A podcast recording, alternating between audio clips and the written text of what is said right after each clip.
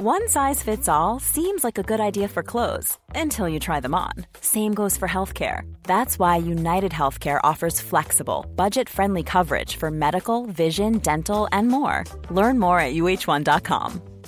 Ryan Reynolds here from Mint Mobile. With the price of just about everything going up during inflation, we thought we'd bring our prices down. So to help us, we brought in a reverse auctioneer, which is apparently a thing. Mint Mobile unlimited premium wireless. Ready to get 30, 30, bit to get 30, bit to get 20, 20, 20, bit to get 20, 20, bit to get 15, 15, 15, 15 just 15 bucks a month. So, Give it a try at mintmobile.com slash switch.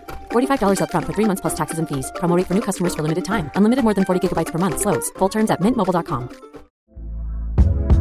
Hey there, it's Michelle Norris. I'm host of a podcast called Your Mama's Kitchen. When I travel, I'm usually looking for a way to find a taste of home when I'm not at home. And one of the things I love to do when I am at home is entertain. And Airbnb allows me to do that. When I was in California recently, I rented a house that had a great kitchen. And when we were sitting around the table, we we're all thinking, we're in someone else's house. Someone could be in all of our homes as well. If you have a home, but you're not always at home, you have an Airbnb. Your home might be worth more than you think. Find out how much at airbnb.com/slash host.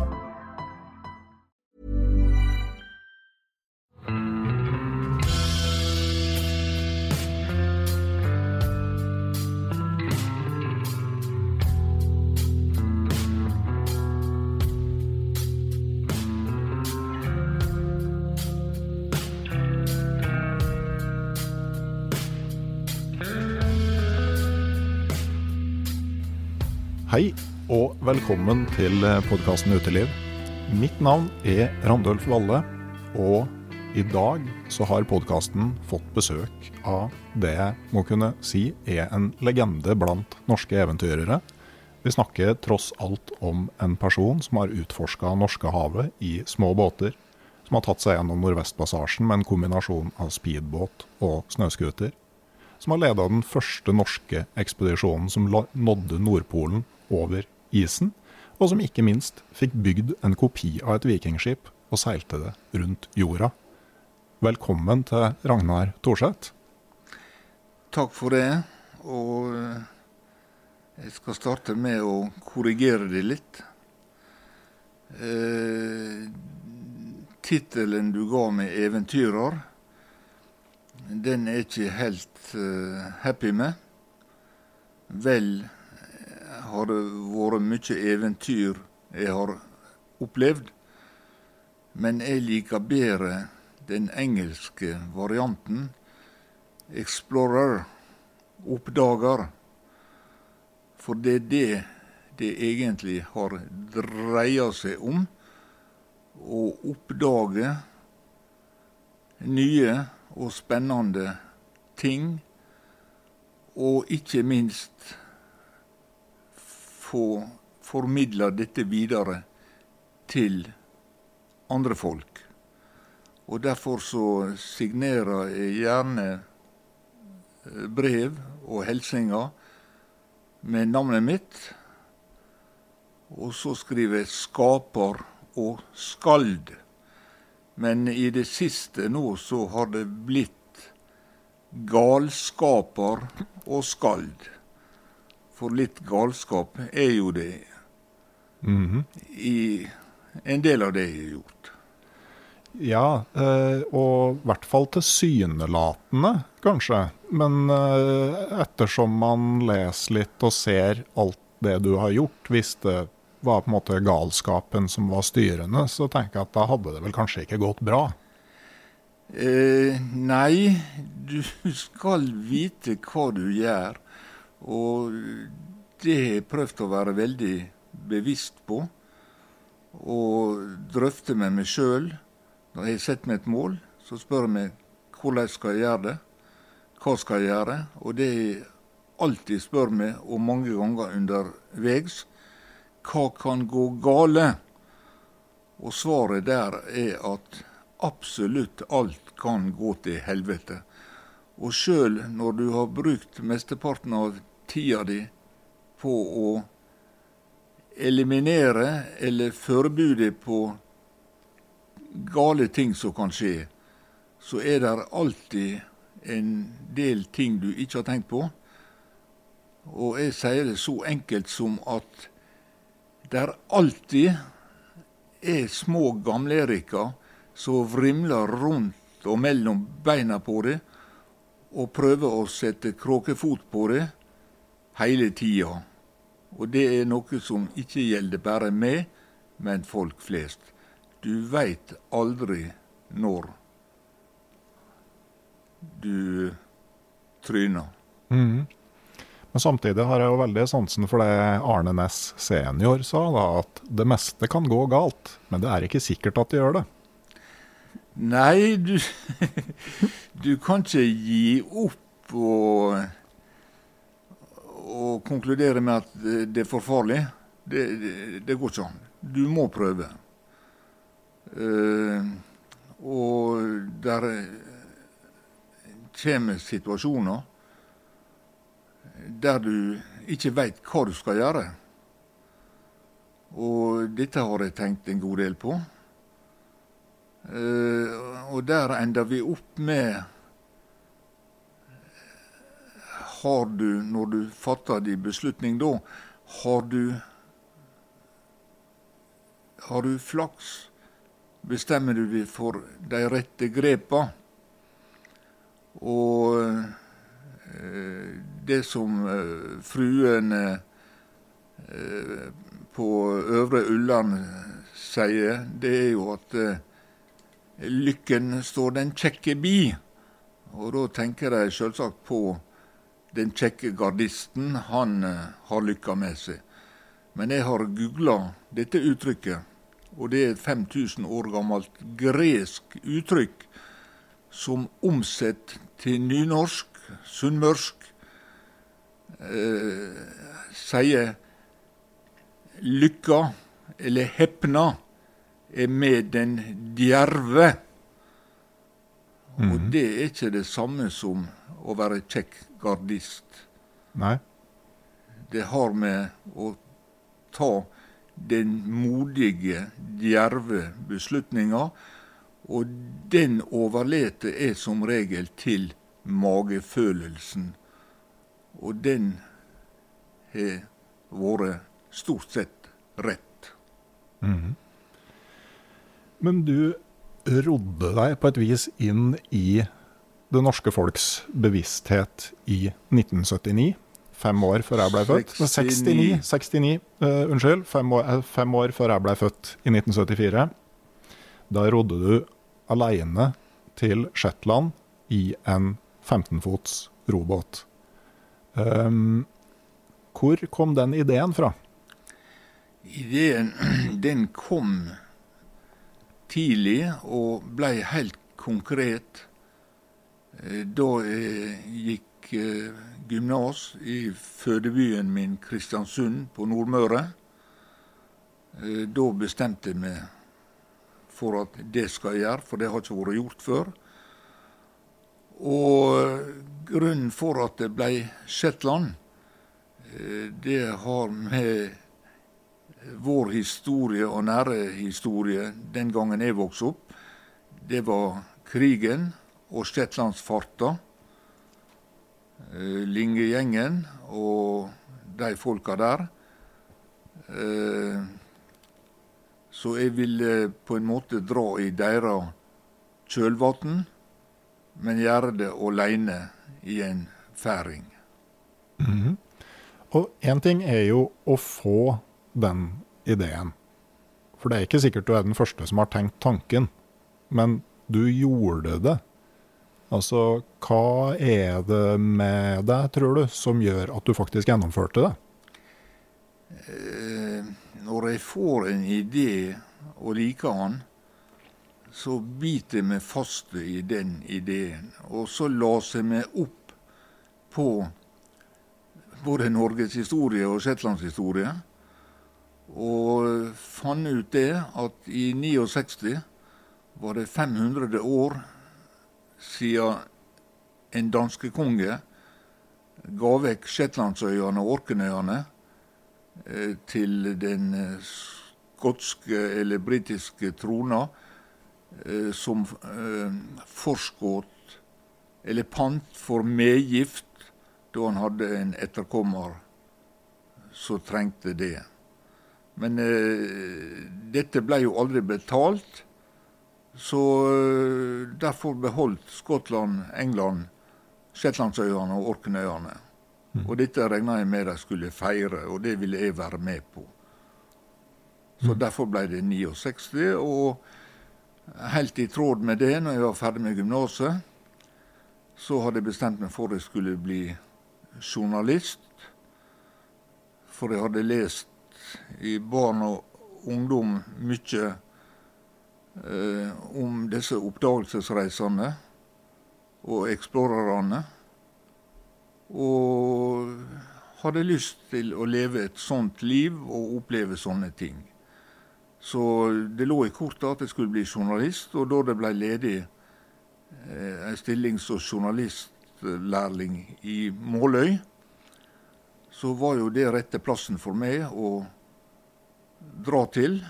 Jobb fikk jeg, og færingen tok jeg med meg. Og trente da et års tid i Måløy før jeg la ut på sjølve roturen. Mm. Men hvis vi ser på altså En ting er jo det året med trening, men jeg tenker eh, du som da født i 1948, vokste opp på kysten. Altså, hva var det du hadde fått med deg gjennom oppveksten som gjorde at det prosjektet her var realiserbart? Eh, vel eh, Ingen i min næreste familie var sjøfolk eller uteseilere. Men eh, vi var nært sjøen. Og jeg kan vel si at jeg vokste opp i færing og robåt. Vi hadde dyr, kyr, på en holme om sommeren. Og det var ro morgen og kveld sammen med mor eller tante over dit og melke disse kyrne. Og vi fiska, og når jeg ble 15-16 og skulle ut og tjene penger, så var jo det helt naturlig å få seg jobb på en fiskebåt. Der var det penger å tjene, og der var det jobb å få. Og så vokste jeg opp i en heim med mye bøker av ei mor som las høyt til meg og broren min hver eneste kveld før vi la oss. Og en av uh, våre store forfattere var jo Jack London. Uh, hun leste 'Greven av Monte Cristo'. Hun leste Knut Hamsun. Uh, hun leste om Huckleberry Finn. så hver kveld var det en time med høytlesning til oss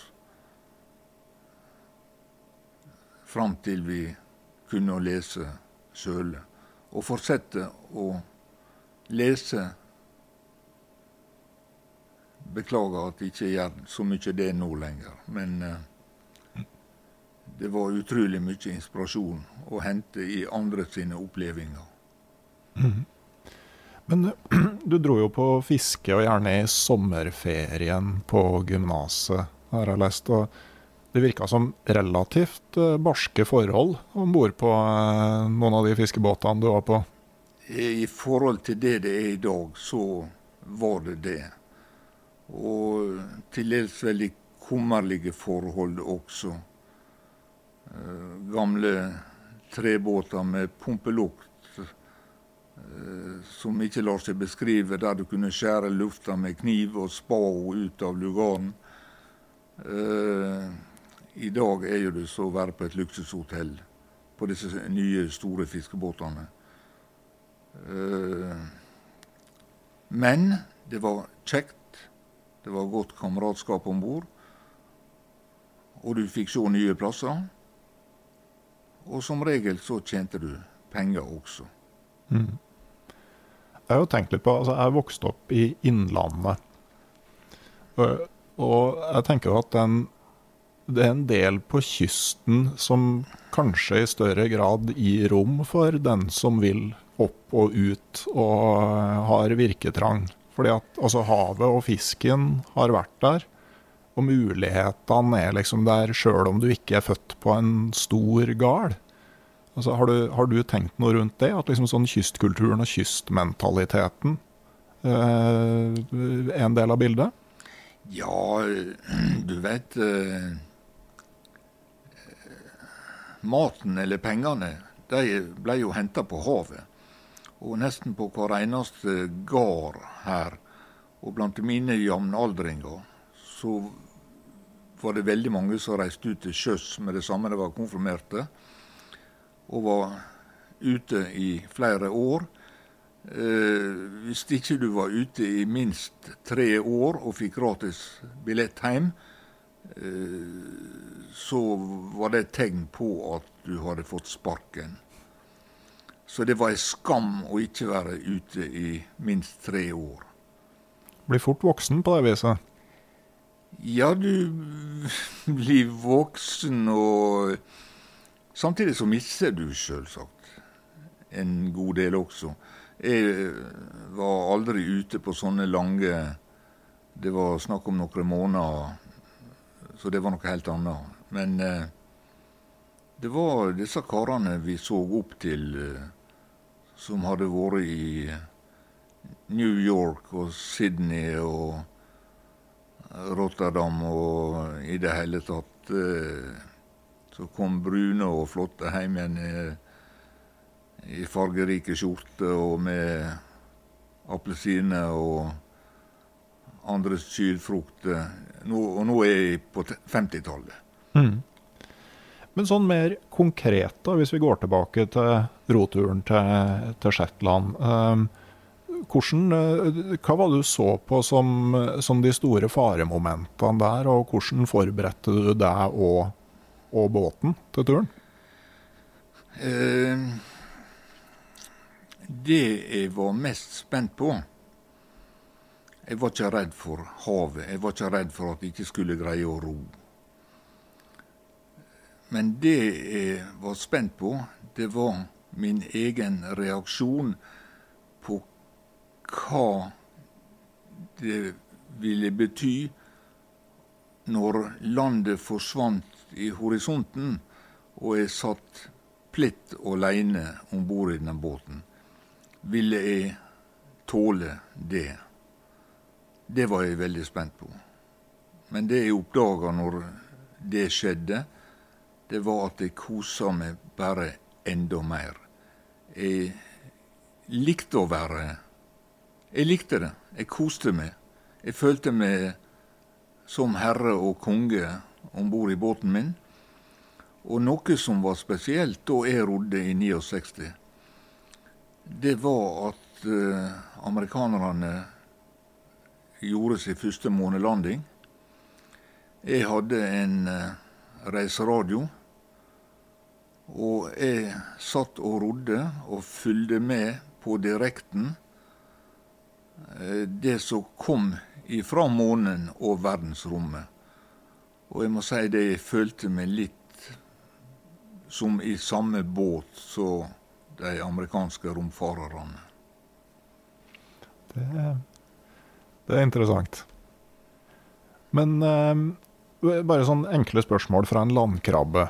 Altså, når du da skal ro til, til Shetland, så tar jo det noen dager. Så du må jo f.eks. sove underveis. Hvordan rent praktisk øh, ordner man seg da? Å sove er et lite problem. Problemet er å finne tida til å sove, og litt praktisk øh, finne god plass i båten til å sove. Men jeg kraup altså under rotofta. Det var ikke soveposeunderlag i handelen den tida, men jeg hadde vel noe teppe under meg og over meg. Og sov når jeg syntes at jeg fortjente det. Mm. Men, og, men, hva skjer med båten når du da ligger og sover? Altså, er det ikke sånn uh, Ja, det er avhengig av hva været er. Eh, har du motvind, så er det ut med drivanker i 69. Eh, nå i 2015 så hadde jeg faktisk to kilos anker med 500 meter lang line. Så er ankra på Vikingbanken. Ei natt lå jeg til ankers, og det var 138 meter dypt. Mm. Eh, fem, lina på 500 meter, den eh, ligger der fortsatt, og det samme er ankeret. Det koster 150 kroner. Eh, så der forurensa jeg litt. Men eh, jeg lå på samme plassen når jeg våkna, som jeg hadde vært når jeg la meg til å sove. Veldig praktisk, og noe som jeg skal ta med meg når jeg nå etter hvert skal ro mer.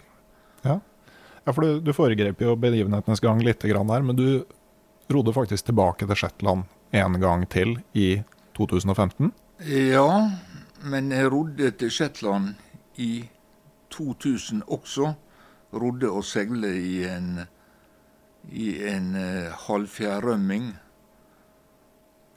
En uh, Åfjordbåt. Ok. Du verden hva som uh, dukker opp.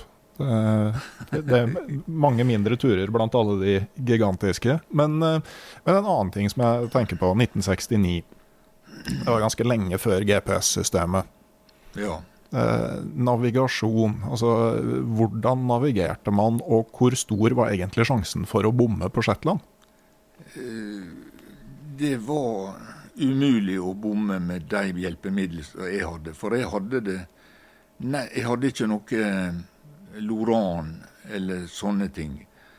Men jeg hadde denne reiseradioen min og et spesialkart som heter konsollkart, og brukte konsollradiopeilesystemet eh, som fantes da, i tillegg til at jeg hadde en sekstant der jeg tok solhøgda og regna ut bredda, og med ei kurslinje fra Stavanger, der det var konsollstasjon, og ei i Bushmill i England-Skottland, og så denne breddemålinga, så hadde jeg ganske nøyaktig posisjon. Hmm. Ok. Men Og det lærte jeg av havnefogden i Måløy Hmm. det året jeg var der. Mm. Eh, var det måte, noen vanskeligheter, utfordringer, som, var, som du ikke hadde sett for deg, som uh, dukka opp der? Eh, ja. Eh, første natta og dagen eh, så eh, passa ikke jeg meg, og så ble jeg våt i ræva. Sjøvann. Og det er ikke bare ubehagelig, men det er farlig. Så jeg rodde sørover langs kysten fra Måløy og kom til værlandet, og der lå jeg i to dager og stelte rumpa mi til hun rodde i hop igjen, før jeg kunne fortsette til utvær og ut derifra. Så saltvann på ei sår rumpe og sitte og ro, det er livsfarlig. Eh, I 2015 så sørga jeg alltid for å være tørr, og nærmest kroppen så hadde jeg nylon, damestrømpe, knebukse og tørre, reine underklær. Det blir jo litt, eh, egentlig litt sånn som eh, polfarere jobber med, med fotene i skiskoene. At eh, jeg tenker sånn at eh, det å, å gjennomføre sånne prosjekter, det handler jo veldig mye om å ha kontroll på de små detaljene. Ja, det er de små detaljene som eh, jeg vil si nesten i alle sammenhenger er avgjørende for om du lykkes, og hva måte du lykkes på. Mm. Så eh, Og dette måtte jeg lære. Det var ingen som hadde fortalt meg det før. Jeg visste at for å unngå trebolet i hendene av roinga, så skulle jeg bruke ullvotter. Og det gjorde jeg. Og det gjorde at jeg fikk ikke disse ekle trebolene. Eller det vil si, huda blei hard. Så når jeg kom hjem igjen, så kunne jeg slå inn en tretungspiker med håndflata. Den åpna handa, men eh, det var ingen som fortalte meg at jeg måtte passe rumpa mi. Nei. Og eh, det hadde jo litt eh, problem når jeg ble intervjua av dronning Elisabeth.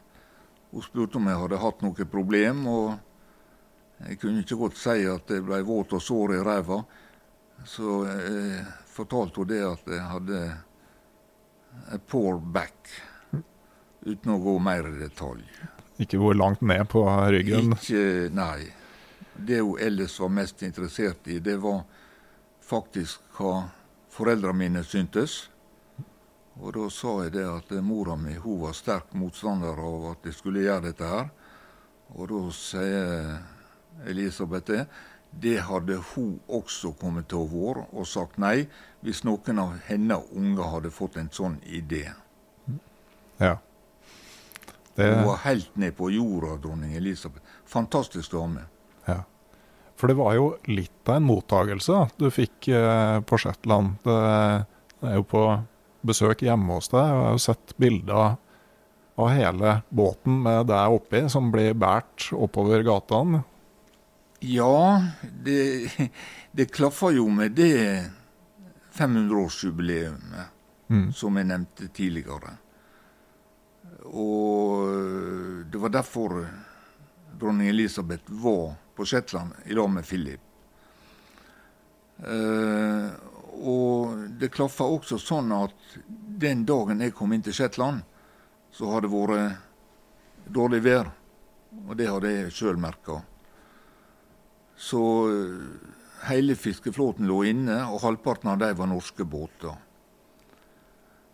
Så når jeg kom roende inn på havna i Lervik, så var det fullt i båter, og alle fløtte. Og når jeg kom inn til landingsplassen, landingsvåren i sentrum der, så var det svart av folk på kaiene, og folk kom i hundretall ned på landingsplassen, tok fatt i færingen, løfta den opp, og så bar de med flere hundre meter opp på land og midt inn på torget. Der eh, de holdt båten oppe så Ja, den gynga på mange sterke hender. Det var helt utrolig. Det må jo eh, være en ganske voldsom opplevelse for en eh, 21-åring fra et rolig sted på Sunnmøre. Ja, jeg måtte holde meg fast. Mm. Eh, Men eh, jeg var ikke redd for at båten skulle gå ned, altså. Det var jeg ikke. Eh, Det var en stor opplevelse. Mm. Det var det. Jeg glemmer det aldri. Og jeg har bilde i entreen her, så jeg ser bilde av båten og meg sjøl, og, og tett i tett med folk rundt. Ja. På samme veggen henger det forresten bilde av queen Elizabeth og meg, som også er et godt minne. Ja. Det var jo Du starta med et brak da når du begynte som explorer. Timing, det er veldig viktig. Og en del av dette var jo bevisst fra min side. 500-årsjubileum jubileumet for at Norge mistet herredømmet over disse øyene. Eh, Det var planlagt.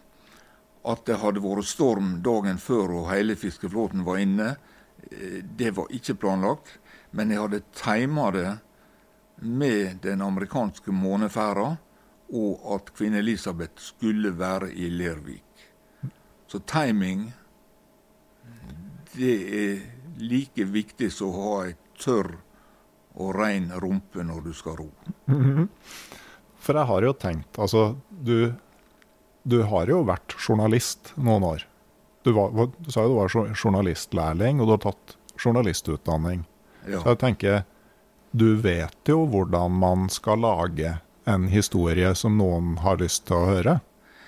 Ja, og Jeg tror jeg veit det. Noe annet er at jeg, jeg liker å fortelle historier. Andre sine historier. Fortalte mye om som journalist. Og i det seinere tid så er det mye om mine egne opplevelser. Og det har jeg fortsatt med, og det gjør vi faktisk også i eh, småskala og beskjedenhet her på Torsetøgda, der Penn og jeg bor. Vi tar imot folk som vi kommer hit og har seg et bedre måltid. Se en film fra en av mine ekspedisjoner, og få et bedre måltid som min skjønne kone Penn lager, og hun er mesterkokk. Mm. Det går an å merke seg nå som eh, verden åpner opp igjen, og, og, bedrifter og organisasjoner kanskje ser etter noe morsomt å finne på sammen? Ja, vi kaller det Penn og Ragnar Thorseth hjemme. Mm.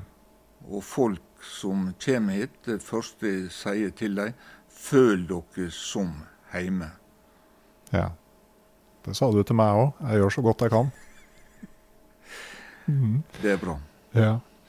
Men eh, kunne det ha stoppa der? Eh, OK, du har rodd til Shetland. Gjennomført det. Hjemme igjen i Norge.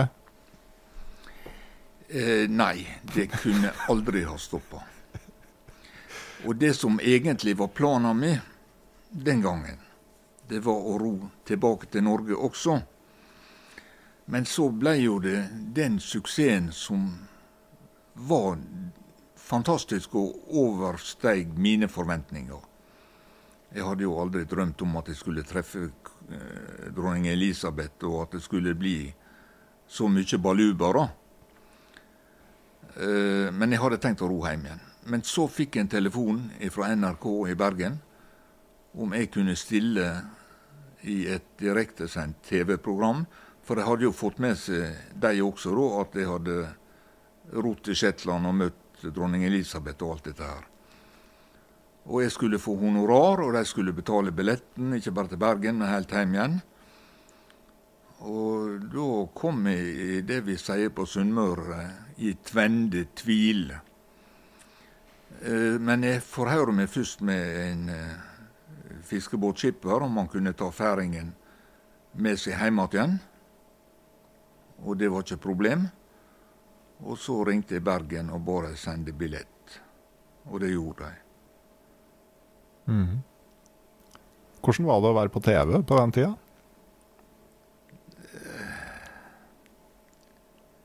Jeg har aldri hatt problem Jeg er ikke redd. Jeg er ikke redd noe, egentlig. Jeg kan være redd meg sjøl av og til. Og Jeg er ikke redd for å snakke, jeg er ikke redd for å se folk i øynene. Hva gale kan de gjøre meg? Mm. Ja, det kan de, men eh, jeg kan å svare for meg. Mm. Nei, og Som du sier, du stoppa jo ikke der. For jeg noterer da roturen i 1969, og i 1971 så setter du og en kompis kursen vestover igjen. Ja, Nordishavet rundt. Ja. ja. For da har du kjøpt deg båt? Den kjøpte i Måløy. Den fikk navnet Santo. Mm. Delvis eh, navnet til kompisene mine, Øyvind Sandbukt. Mm. Og Torse 2, Sand 2 ah. var båtnavnet. Jeg har lurt på hvor det navnet kom Vi, fra. Vi eh, hadde gått gymnas i lag, og han var godt orientert om mine roplaner, og vi planla i lag neste tur, som da ble i 71 med den eh, notbåten Dorien som jeg kjøpte i Måløy. Mm -hmm. Og bygde hus og sette inn eh, en liten sabdiesel i. Ja. For en, uh, igjen litt for våre innlandslyttere her. Altså en, en snurpedorry, det, det, er en båt som ble brukt av, på, når du fiska med snurpenot, til å holde kontroll på nota? Ja, det var sånn at eh, hver snurper hadde to dorrier, én på hver side. Og så var halve nota i i én båt og hi halva i den andre båten. Og så midtstykket på nota, det eh, var rundt hekken på snurparen. Så når de skulle eh, fiske, så ble notbåtene satt på sjøen. Og så gikk de i lag. Og så var basen ute i lettbåten, basebåten, og dirigerte ut ifra det han så på ekkoloddet, hvor de skulle kaste nota. Og Da gikk de ut og så i ring og møttes igjen og snurpa i hop. Og øh, storbåten kom og la seg da uh, i munningen av nota, så å si, og, og snurpa bunnen i hop. Og så tørka de nota, som vi sa. Jeg har vært med på dette fiskeriet på Island sjøl. Mm. Uh, veldig spennende, forresten. Ja, og Jeg har forstått at snurpedorian var veldig solid bygd?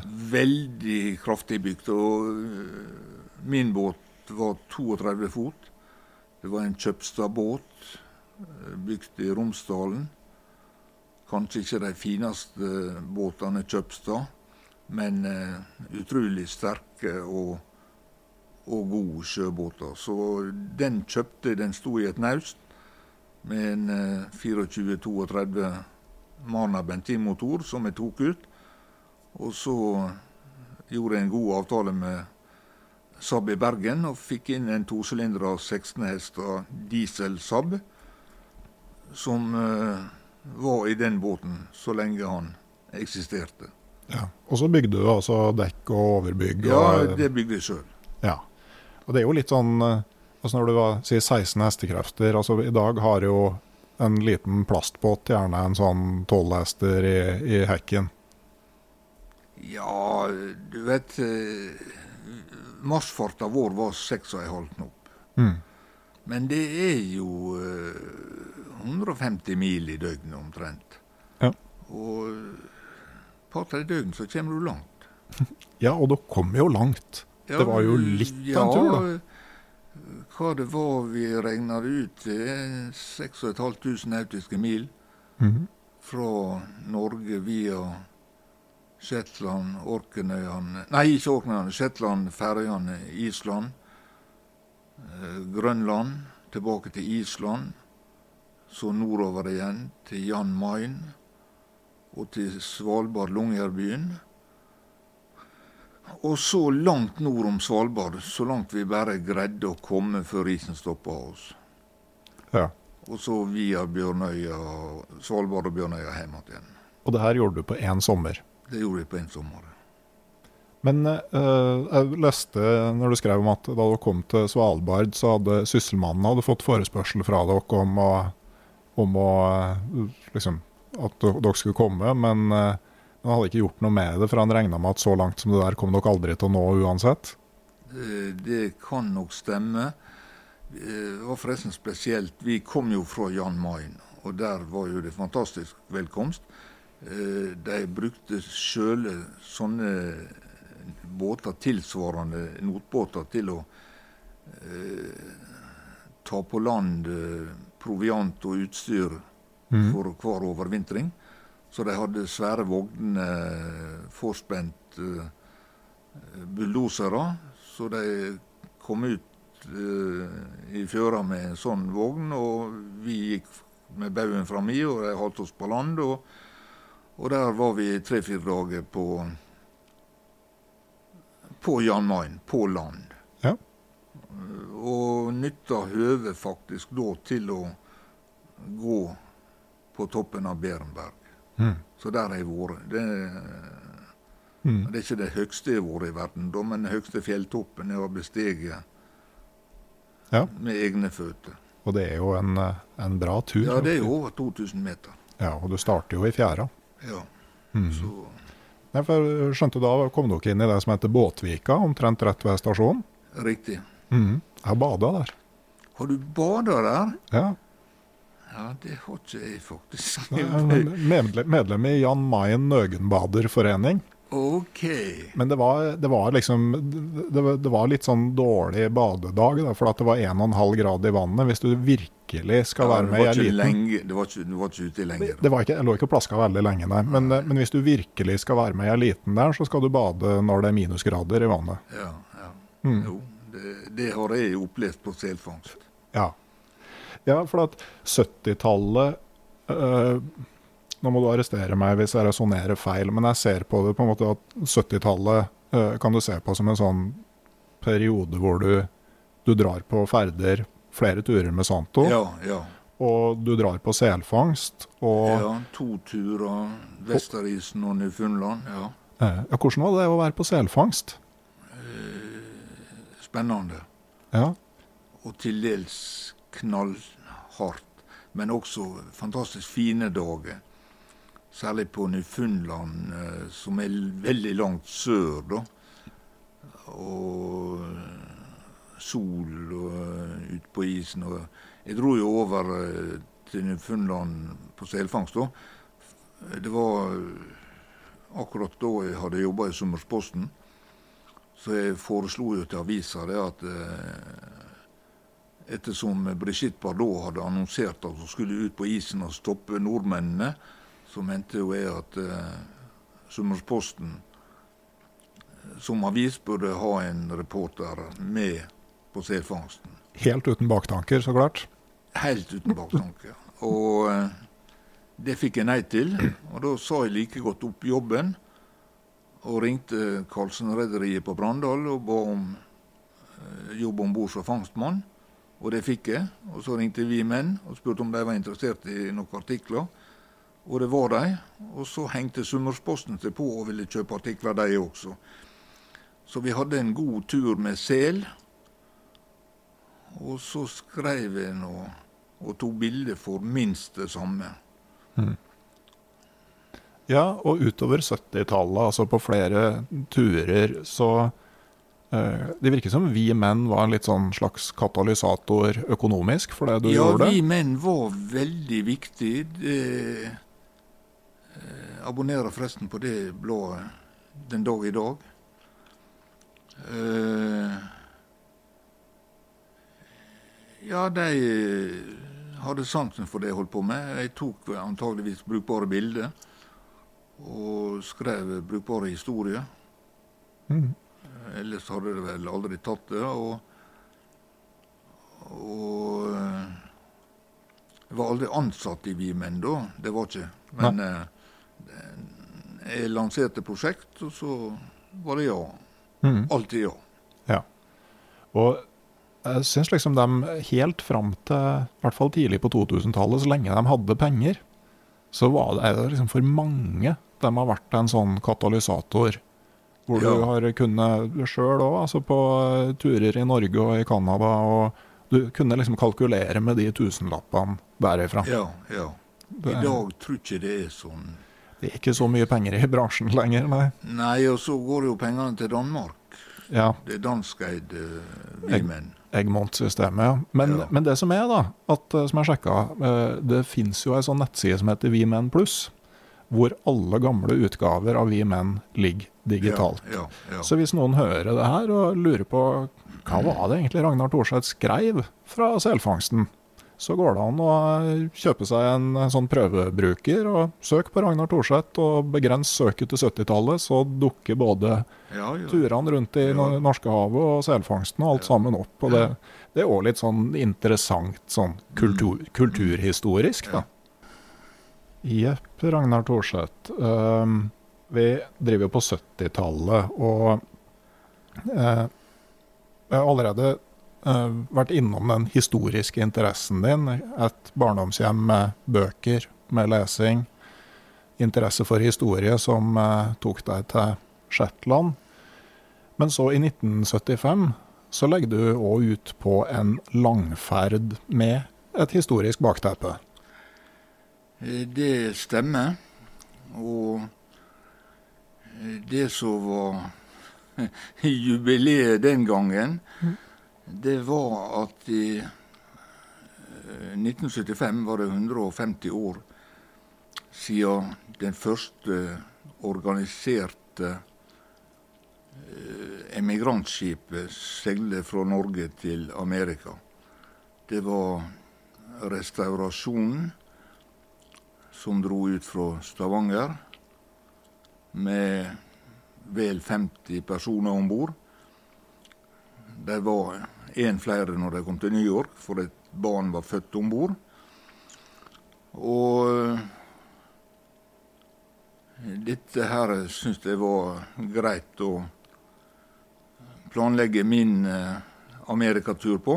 Men istedenfor å eh, seile i kjølvannet til restaurasjonen og Kleng Persson som organiserte turen, så ville jeg seile den norrøne vikingeleia, altså igjen via Shetland, Færøyene, Island, Grønland, til eh, Baffin, Heljuland, Labrador, Skoglandet og Newfoundland, Vinland og videre til New York. Mm. Og det blei da i en Vixund Shark, 31 fot, som fikk navnet Kleng Persson.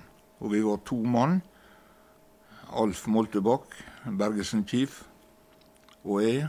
Og ja, så vidt jeg husker, så brukte vi vel fire-fem fem måneder på turen.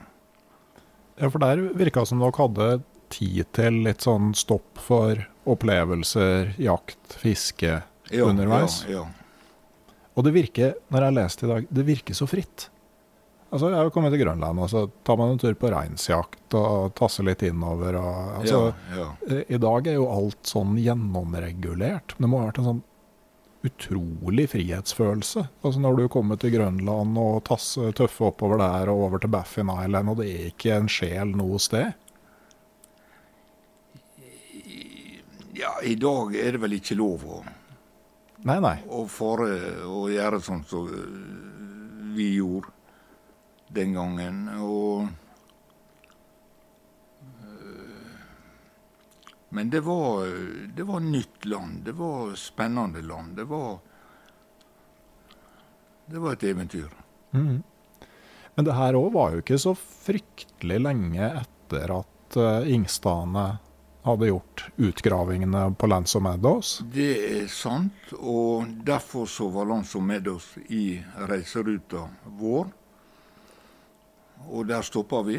Og der var arkeologer som fortsatt dreiv og grov.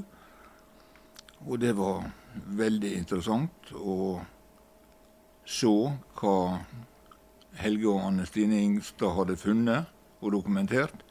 Seinere så ble jeg jo veldig godt kjent med begge to. Og det var jo Anne Stine Ingstad som døpte Saga Siglar i sin tid, da den var ferdigbygd i 83. Mm. Så jeg hadde god kontakt med dem. Ja. Og um, jeg, hørte faktisk på lydbok opp igjen, jeg nevnte før i podkasten her, men veldig mye Ingstad-bøker er sluppet på Storytel, lydbokapp, og stadig flere kommer til. Uh, men jeg hørte opp igjen da når jeg vi avtalte at jeg skulle komme på besøk hit, så benytta jeg muligheten til å høre opp igjen 'Vesterveg til Vinland'. Uh, sin bok om, om, jobben med utgravingene, og på en måte også det liksom historiske rasjonale bak hvorfor de mente Vinland lå på Newfoundland. Uh, og det, Noe jeg beit meg merke at han sa at uh, vikingene beskriver det som en sånn veldig sånn egentlig det, Rutebeskrivelsen fra Grønland til, til Vinland da, er veldig sånn rett fram. Og Ingstad konkluderte også med når han seilte der, at det er veldig enkelt å finne Lance of Meadows. Altså det er liksom en opplevelse du hadde? Ja, og når det gjelder Helge Ingstad sine bøker, så var jo det en del av barndomslærdommen. Og bøker som jeg hadde med på den turen, og seinest når vi var på Grønlandpenna og jeg med kajakk i 2015, så var det også Helge Ingstad i bokhylla, mm. som vi leste, alle som var med. Og det var spennende og relevant. Mm. Og gitt vår, eh, din eh, innledningsvise korrigering av det at jeg kalte, kalte det eventyrer, da, og du foretrekker Explorer, oppdager. Altså, Helge Ingstad er jo en sånn person som virkelig sånn symbolisere eller sånn menneskeliggjør den reisa fra eventyrer til oppdager, tenker jeg. Det begynner med eventyrlysten, og så etter hvert så blir det mer og mer en sånn målretta søken. Mm. Men, men, uh, for din del, var det den historiske interessen som kom først, eller ble det en mer sånn resultat av utferdstrangen? ja, det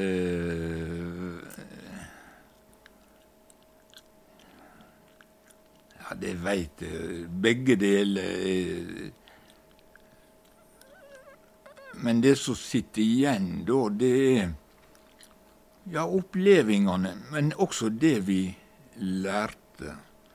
Og det har jeg et fattig evne i større og mindre grad eh, fortalt videre.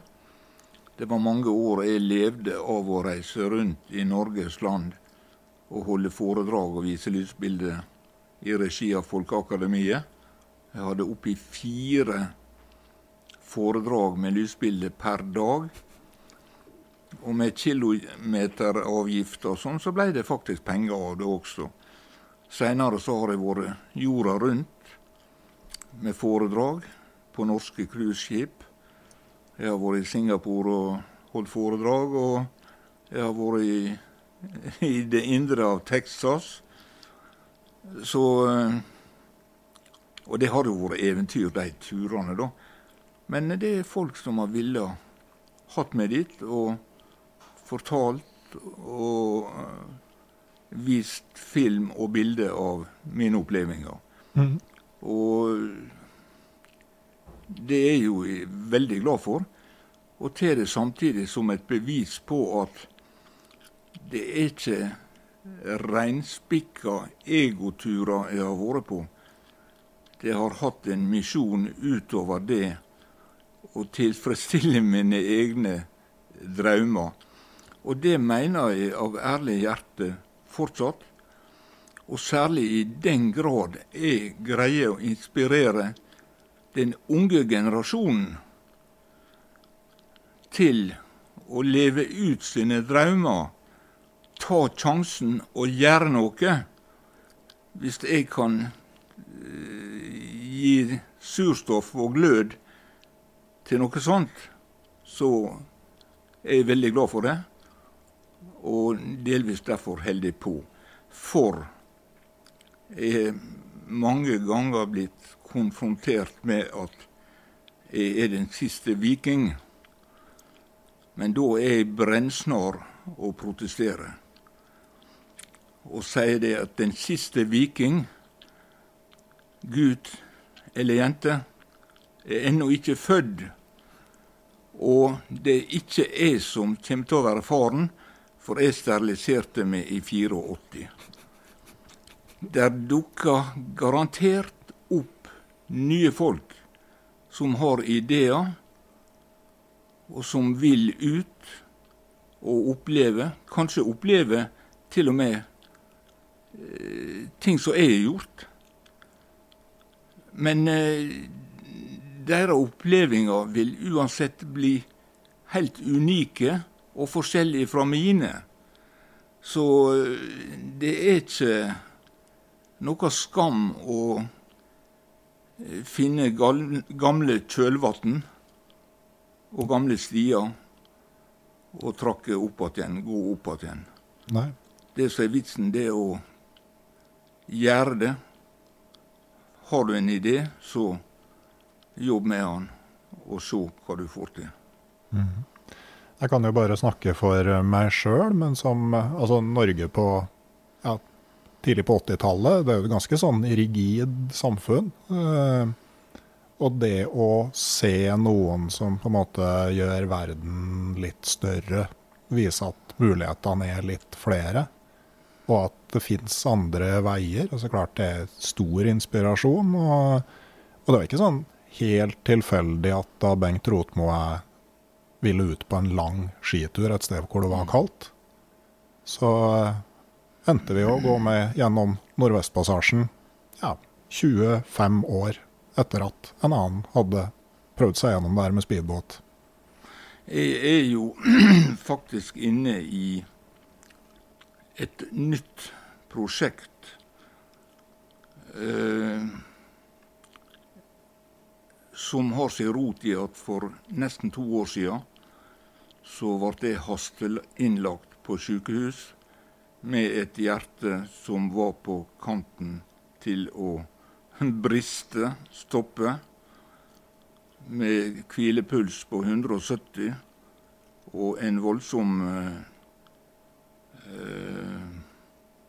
Ja, hva det heter nå uh, Uregelmessig flimmer. Flimmer heter det.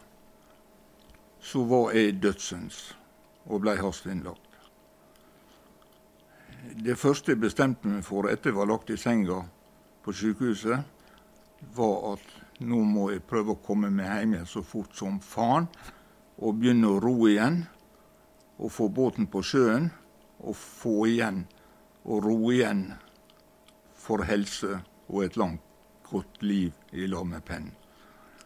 Og 18. mai i år sjøsatte Brattholma Vila. Og nå er jeg ute og ror og seiler nesten hver dag. Og pulsen er lav og fin. Blodtrykket er normalt og flott. Og hjerteflimmeret er vekk. Mm. Det er bra.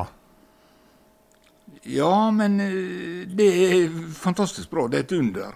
Mm -hmm. Men uh,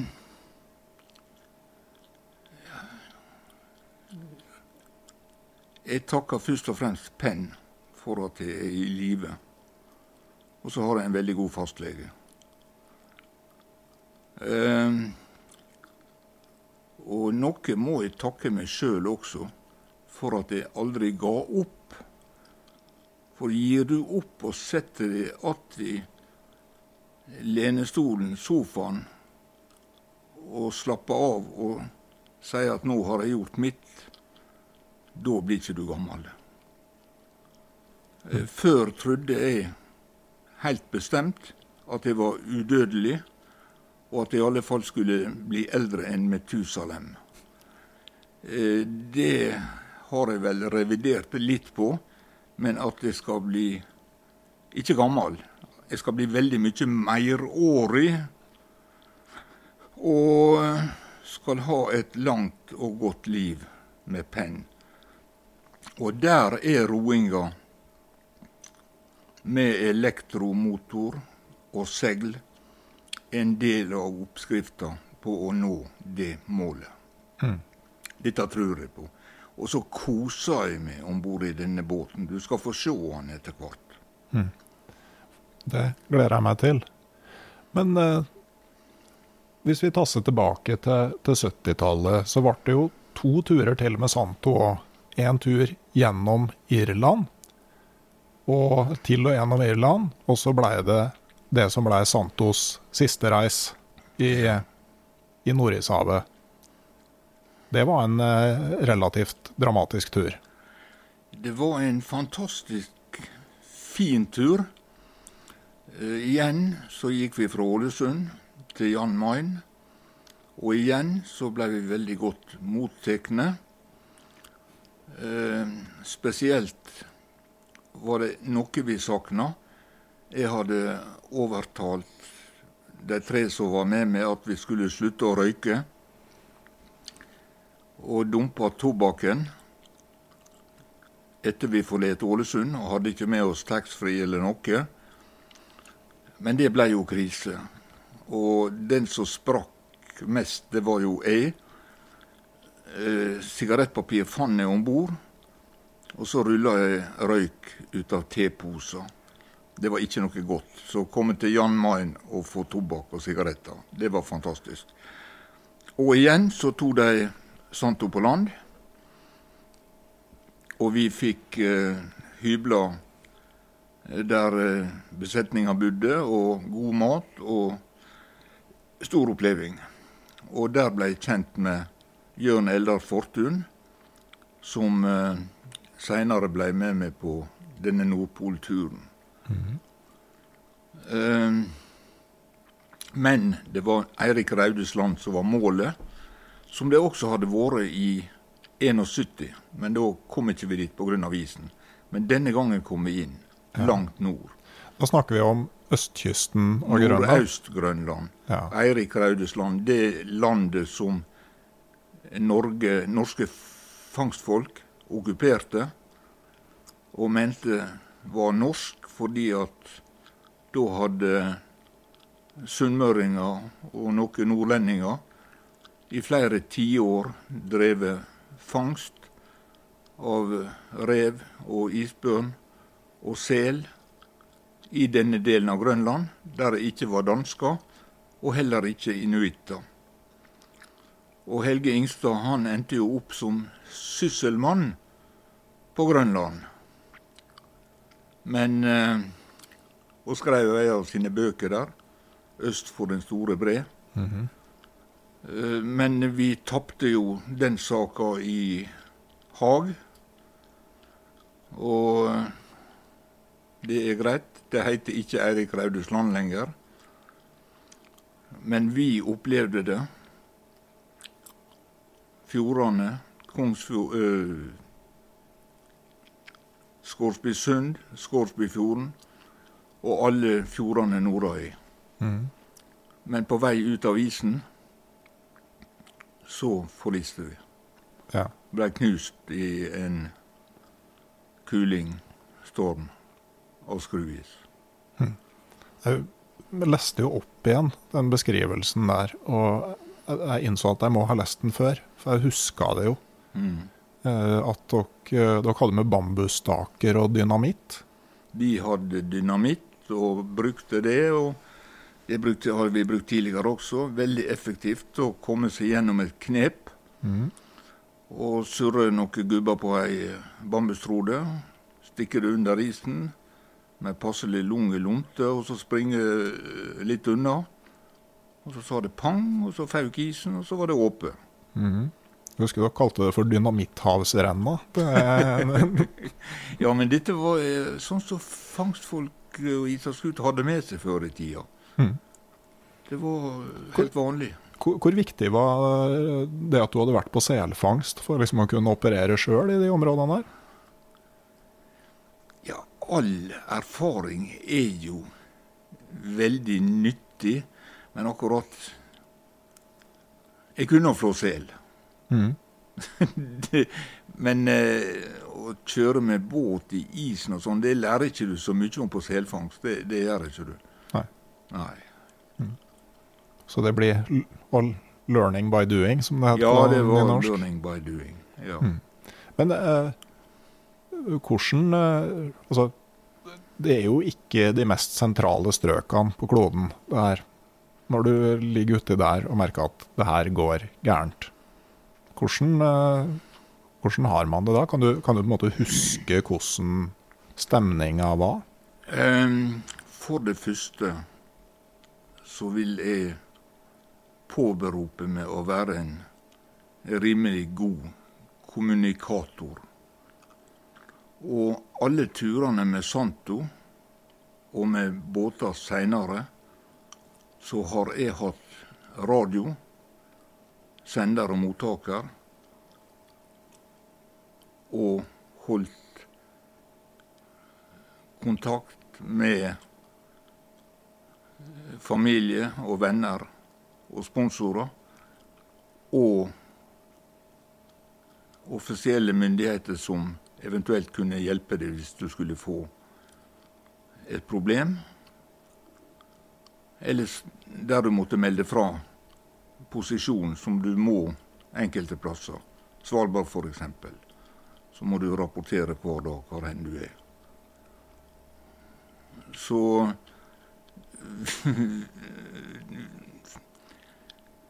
Det var aldri tvil om hvor i verden vi var. Og våre daglige drypp av informasjon, de kom fram. På jordomseilinga så var det amatørradio. Der hadde jeg en god venn som het Øyvard Karlsbakk. Ella fire eh, tango golf. var vel eh,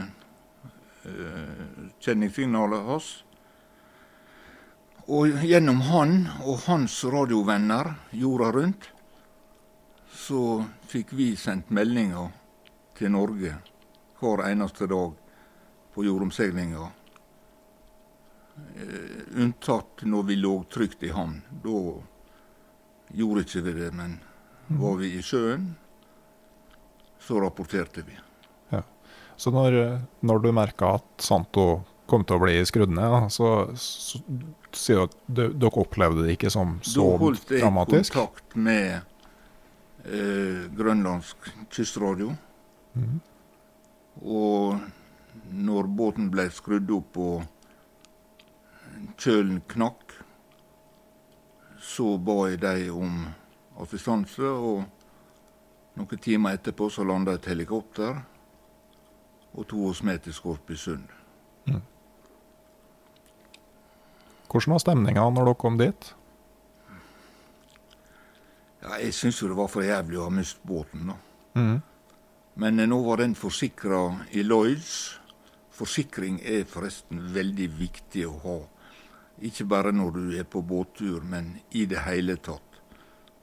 Så det kan jeg anbefale alle som måtte høre på dette her. Sørg for at du er forsikra. Det har betalt seg for meg.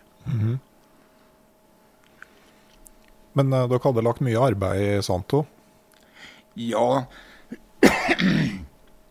så økonomisk så var det ikke noen gevinst i at den forliste. Det var jo eh, en trasig slutt på turen. Og grunnen til at vi ikke kom oss is, ut av isen, det var faktisk at vi snudde og gikk inn igjen i isen. Vi hadde gått ut i lag med jordomsegler Runde med Karl Emil Pettersen. De ble fast i isen før oss, og de hadde ikke radio å kommunisere til land med, som vi hadde.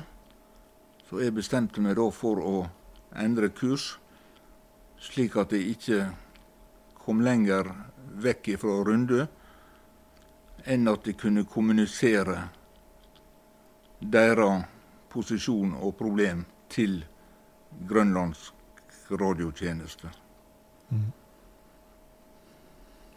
Og Rundø kom seg løs. Den forliste, den Jo, også. Den gjorde det òg, ja. Ok, det var jeg ikke klar over. Jo.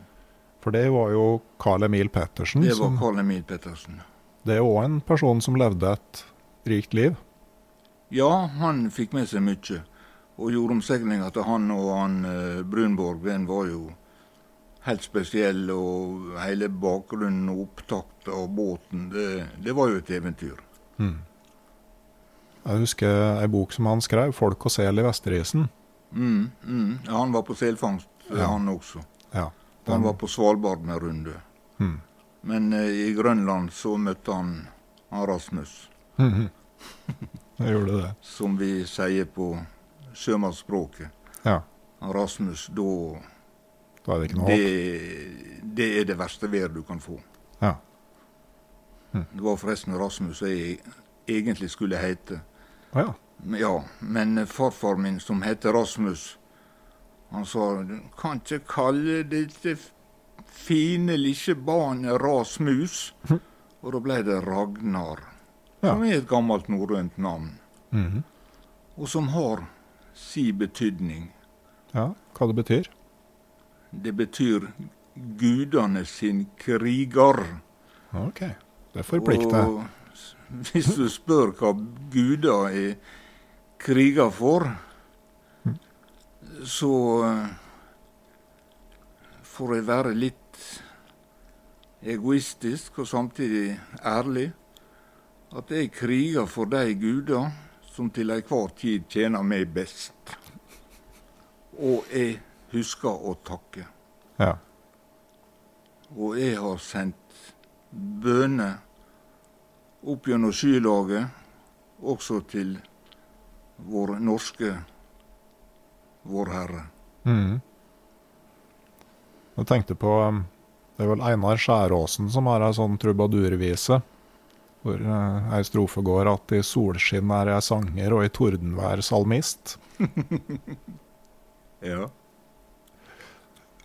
Nei, det går aldri Altså, en skal være sikker på seg sjøl, og en skal tro på seg sjøl. Men der går alltid ei grense. Og uh, Ivar Aasen, som jeg har veldig stor respekt for, han uh, sa, eller videre fortalte, noe som de sa på 1800-tallet. Når vesle vite ikkje strekk til, da må ei tru stydje oppunder, eller stø oppunder.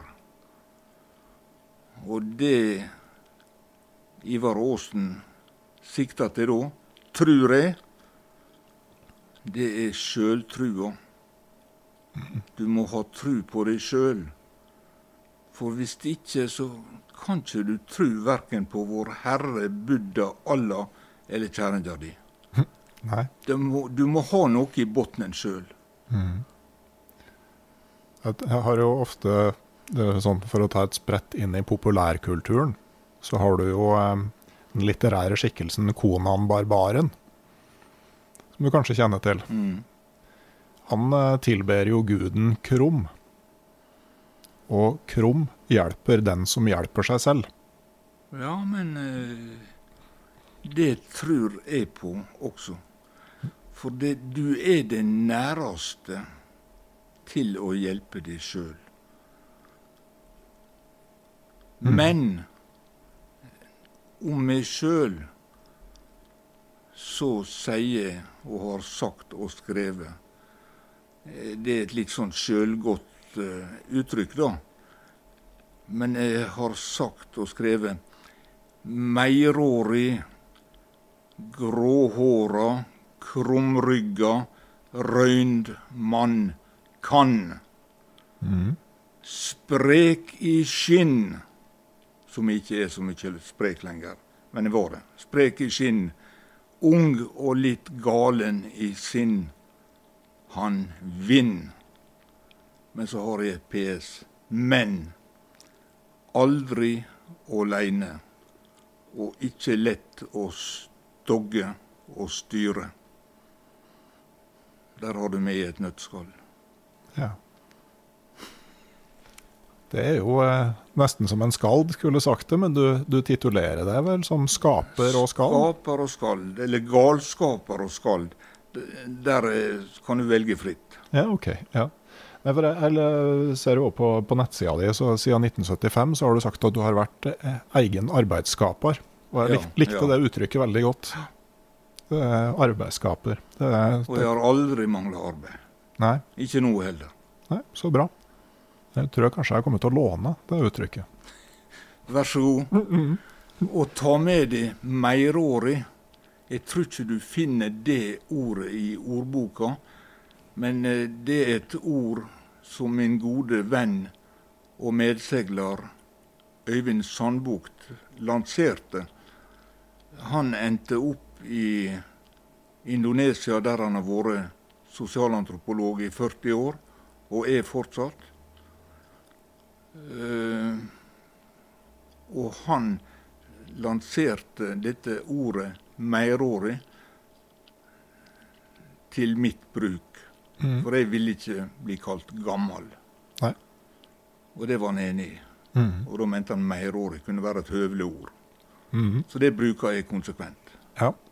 ja, nei, men det, det er Språket har makt, det. Ja, jeg er altså ikke mindreårig, og ikke tenåring. At enkelte eh, vil kalle meg mindre evnig, det skal jeg leve godt med. Ok. Ja. Jeg har ikke sagt det. Men eh, forsikringspengene fra Santo, dem eh, fikk du jo relativt raskt bruk for.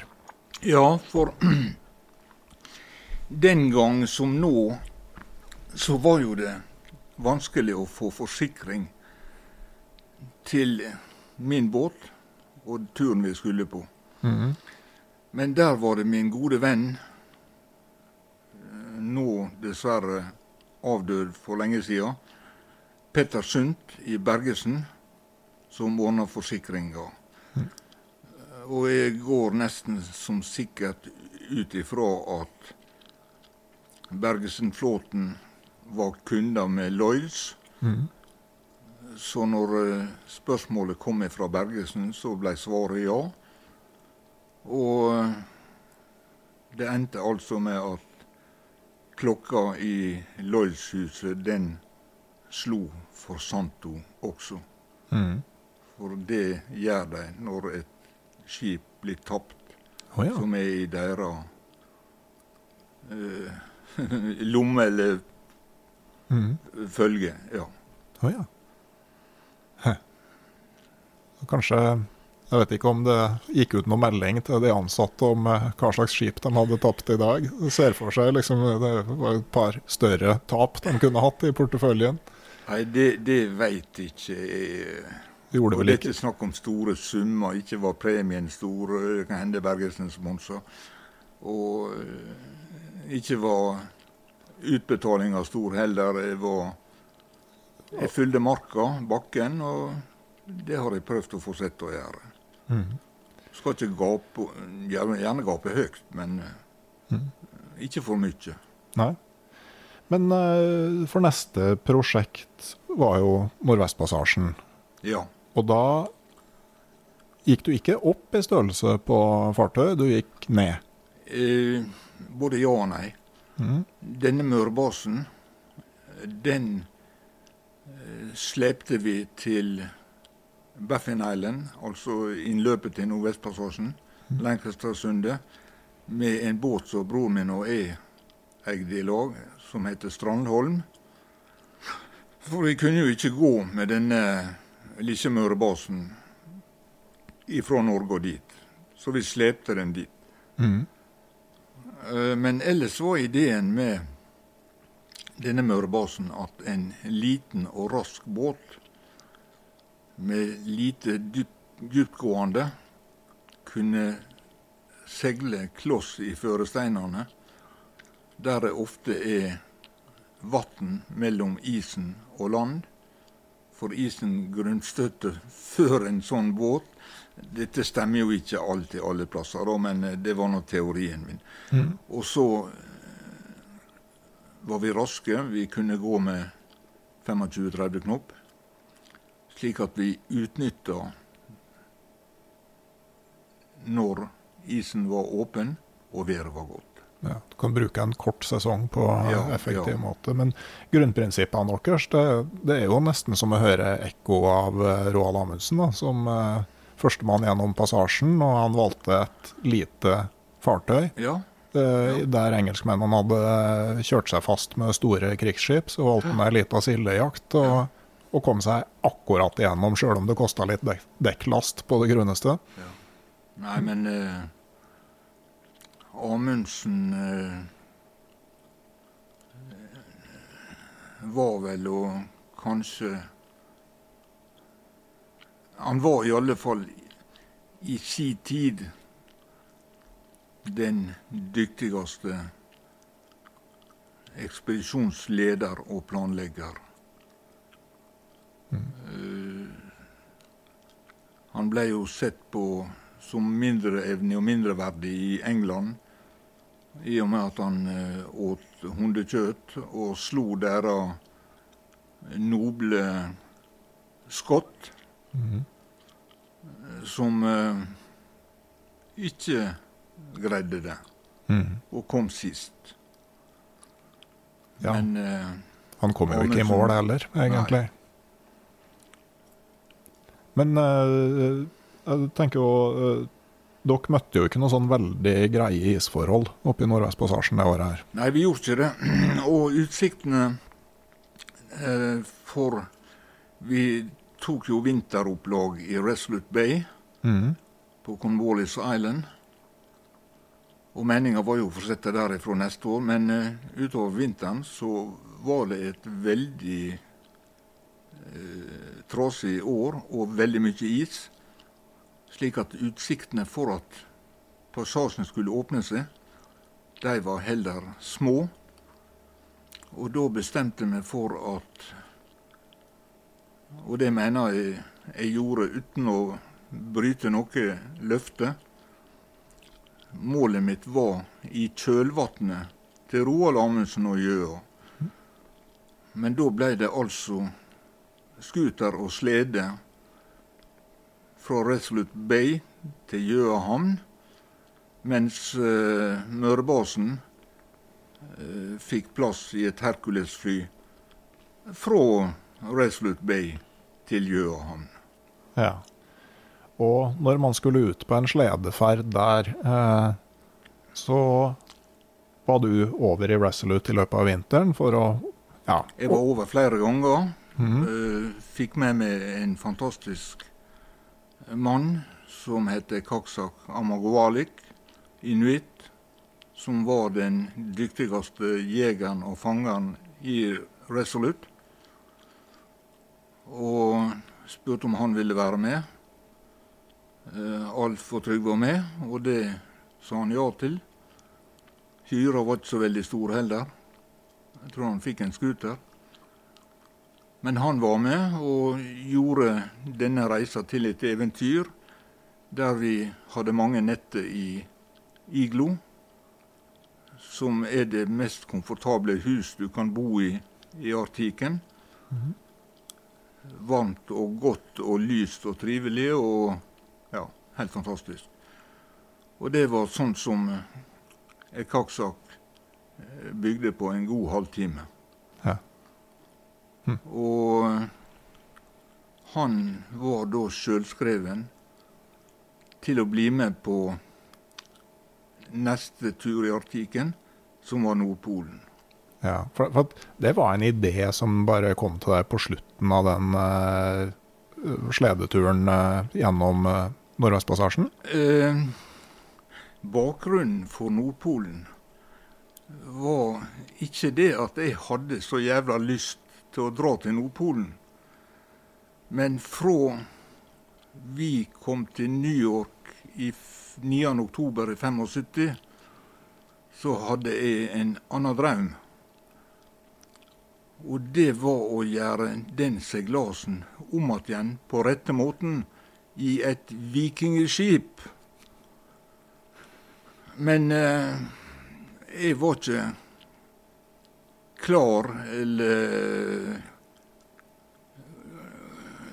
Jeg så ikke at jeg kunne greie å realisere noe sånt på det tidspunkt. Jeg måtte bygge meg opp. Og den kapital som jeg bygde opp, og som jeg forhåpentligvis har litt av ennå, det er tillit og truverde. For jeg visste det skal jeg bygge et vikingskip og seile det jorda rundt, så må det kroner og mynt, daler og skjelling til, og mykje. Mm.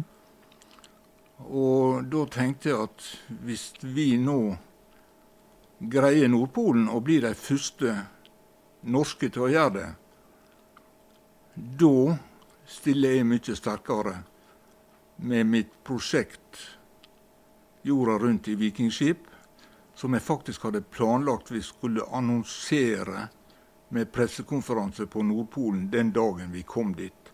Mm. Av praktiske grunner så let ikke det seg gjøre, men eh, det var planen. Og Nordpolen var rett og slett et Sier du at det var et middel, ikke mye som et mål? Ja, det var et middel for å komme til det som var den store drømmen. Mm. Og det var Men like fullt så var dere da den første norske ekspedisjonen som kom til Nordpolen over isen? Ja, og det står ved lag. Ja, det kan den, det, altså rekorder kan ja. slås, men er du først, så er du for alltid først. Ja, da er du først. Og la jeg legge til én ting til. Skulle jeg gjort det igjen, under sånne forhold som vi hadde da, så hadde jeg ikke brukt snøscootere. Jeg hadde gjort som Børge Ausland, gått på ski. mye smartere og bedre måte å gjøre det på. Mm. Men samtidig så tenker jeg eh, veldig mye handler Altså, du har jo vært utrolig god til å gripe muligheter. Men så sier du sjøl òg hvor viktig timing er. Ja. For den turen der har jeg tenkt på.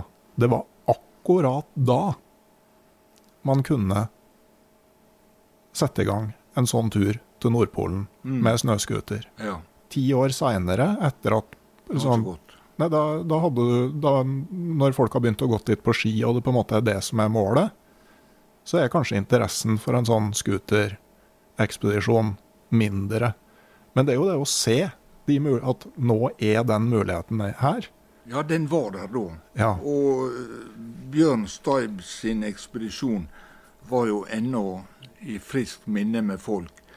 Så, eh, og det resulterte jo eh, like ofte i at folk flirte av meg, som at de tok meg alvorlig. For Bjørn Staib, han ble vel ikke dyrka som noen stor helt.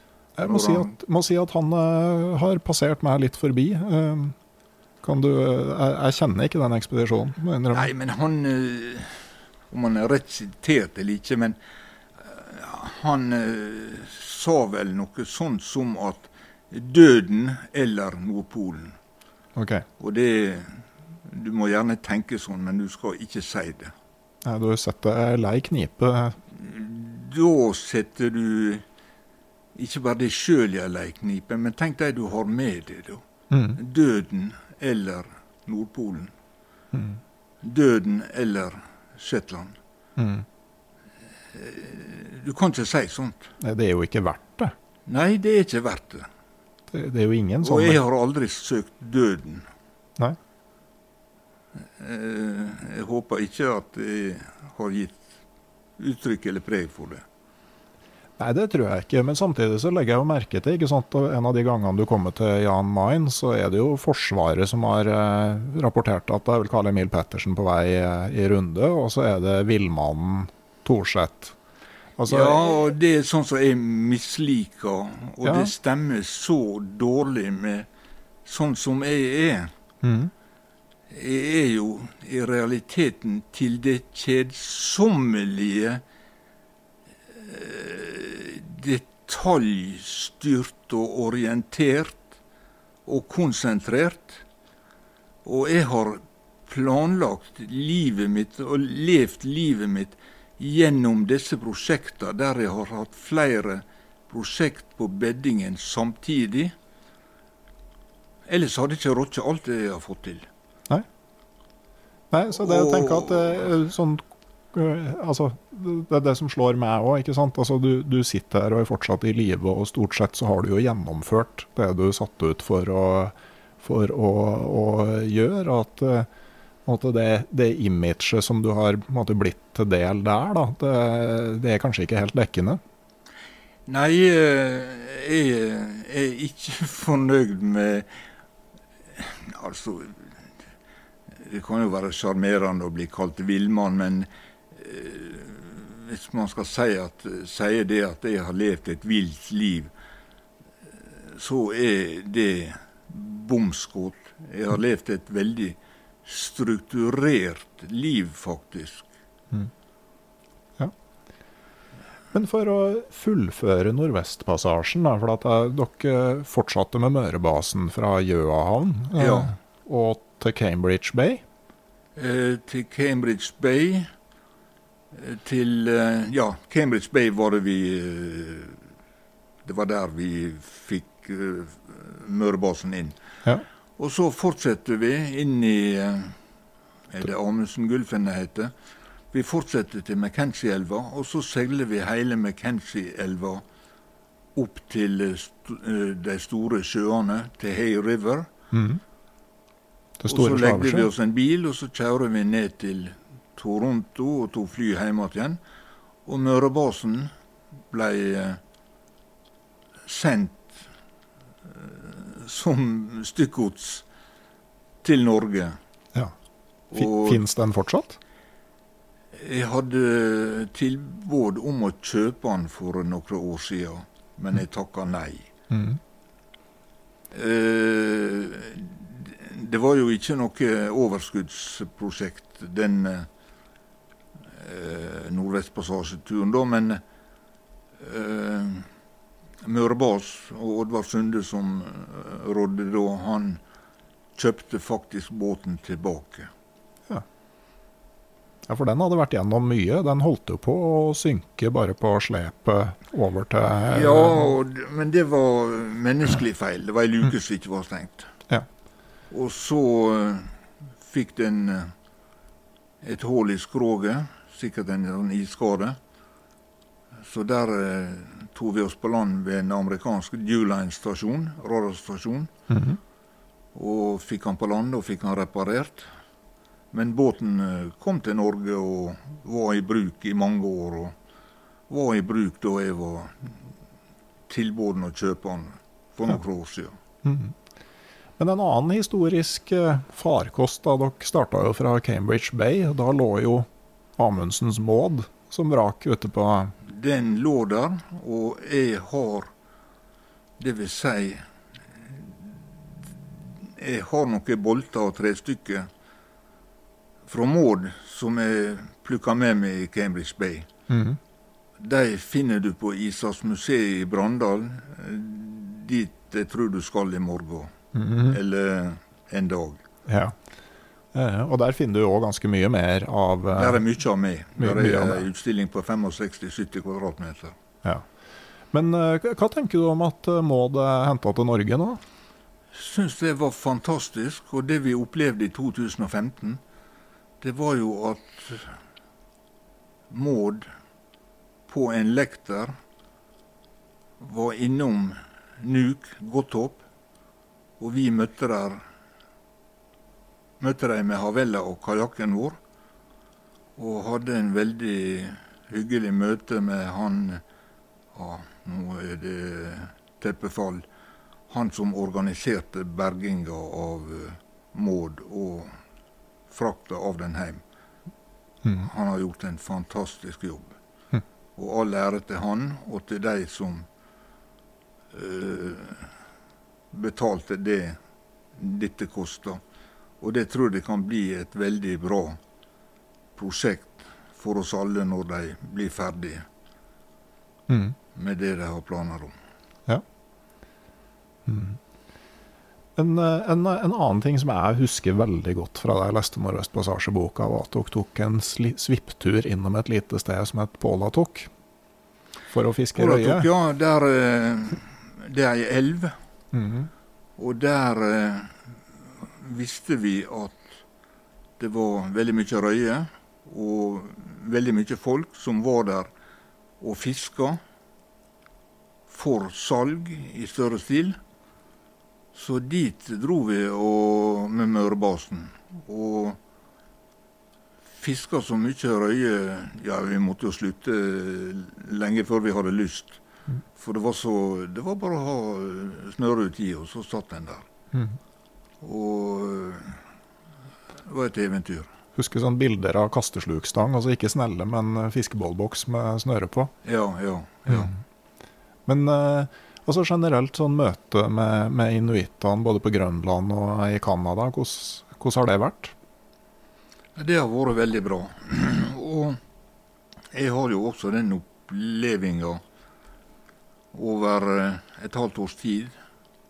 Jeg var på Grønland. Jeg var mannskap på en norsk-grønlandsk reketråler. Eh, Mannskapet var inuitter, inklusiv meg. Offiserene var nordmenn, og jeg var ikke offiser. Nei. Og der lærte jeg bl.a. at rette måten å ete reke på, det er å ete den før du koker den. Ete den rå, skrelle den mens hun ennå er levende. Det er fantastisk godt. Og så att i trålgangen så hadde vi en dag fått ei kveite. Så grønlenderne hengte opp. Det var jo vinter og kaldt, dette her, så var hun frosset. Og der sto en kniv i treskottet. Så var det å gå og skjære seg noen skiver av den frosne kveita og ha å tygge på. Ja, sånn som du gjorde innimellom når du passerte der og øh, hadde ei ledig hånd til å gjøre det. Mm. Det er sånne delikatesser som jeg fortsatt nyter, samtidig som jeg koser meg med lettrøkt hvalkjøtt. Ja, nydelig. Takk for og det. biff tartar, eh, som de i Norge serverer den beste på teaterkafeen. -hmm. Iallfall eh, som jeg har spist. Men jeg lager det sjøl også. Ja. Nei, men eh, altså, det, veldig mye av den eh, maten som inuittene spiser, er jo rått, frossent. Ja, ja, ja. ja. Og det er jo mye av det som er fantastisk godt. Det er fantastisk godt. Det, det smaker som du ikke ante eksisterte. Mm. Men sånn hvalspekk husker jeg var, prøvde på Grønland. Og det var litt sånn når du det var litt sånn, som skumgummi fullt med fett. sånn at Når du tygger på det, så spruter det liksom ut av den skumgummien, og så har du noe sånn, sånn tugge igjen som du må spytte ut til slutt. Ja, det er én ting, men det kvalspekket som er godt, Mm. det får du på Færøyene. Ok. Eh, Hval som de fanger, og så salter de spekket. Og så ligger det i salt noen måneder. Jeg har borte i Valhall Nei, jeg har det på verandaen, ølverandaen faktisk. Der har jeg spekk som ligger i salt, men jeg har ikke leie lenge nok. Mm. Så det kommer du innom seinere i år eller neste år skal du få smake. Og så er det vel òg det der eh, spekket på narhval, som eh, visstnok skal være eh, veldig godt. Ja, ja, ja. Og, og som har ve- veldig tetthet på næringsstoffer. Så, ja, eh, ja.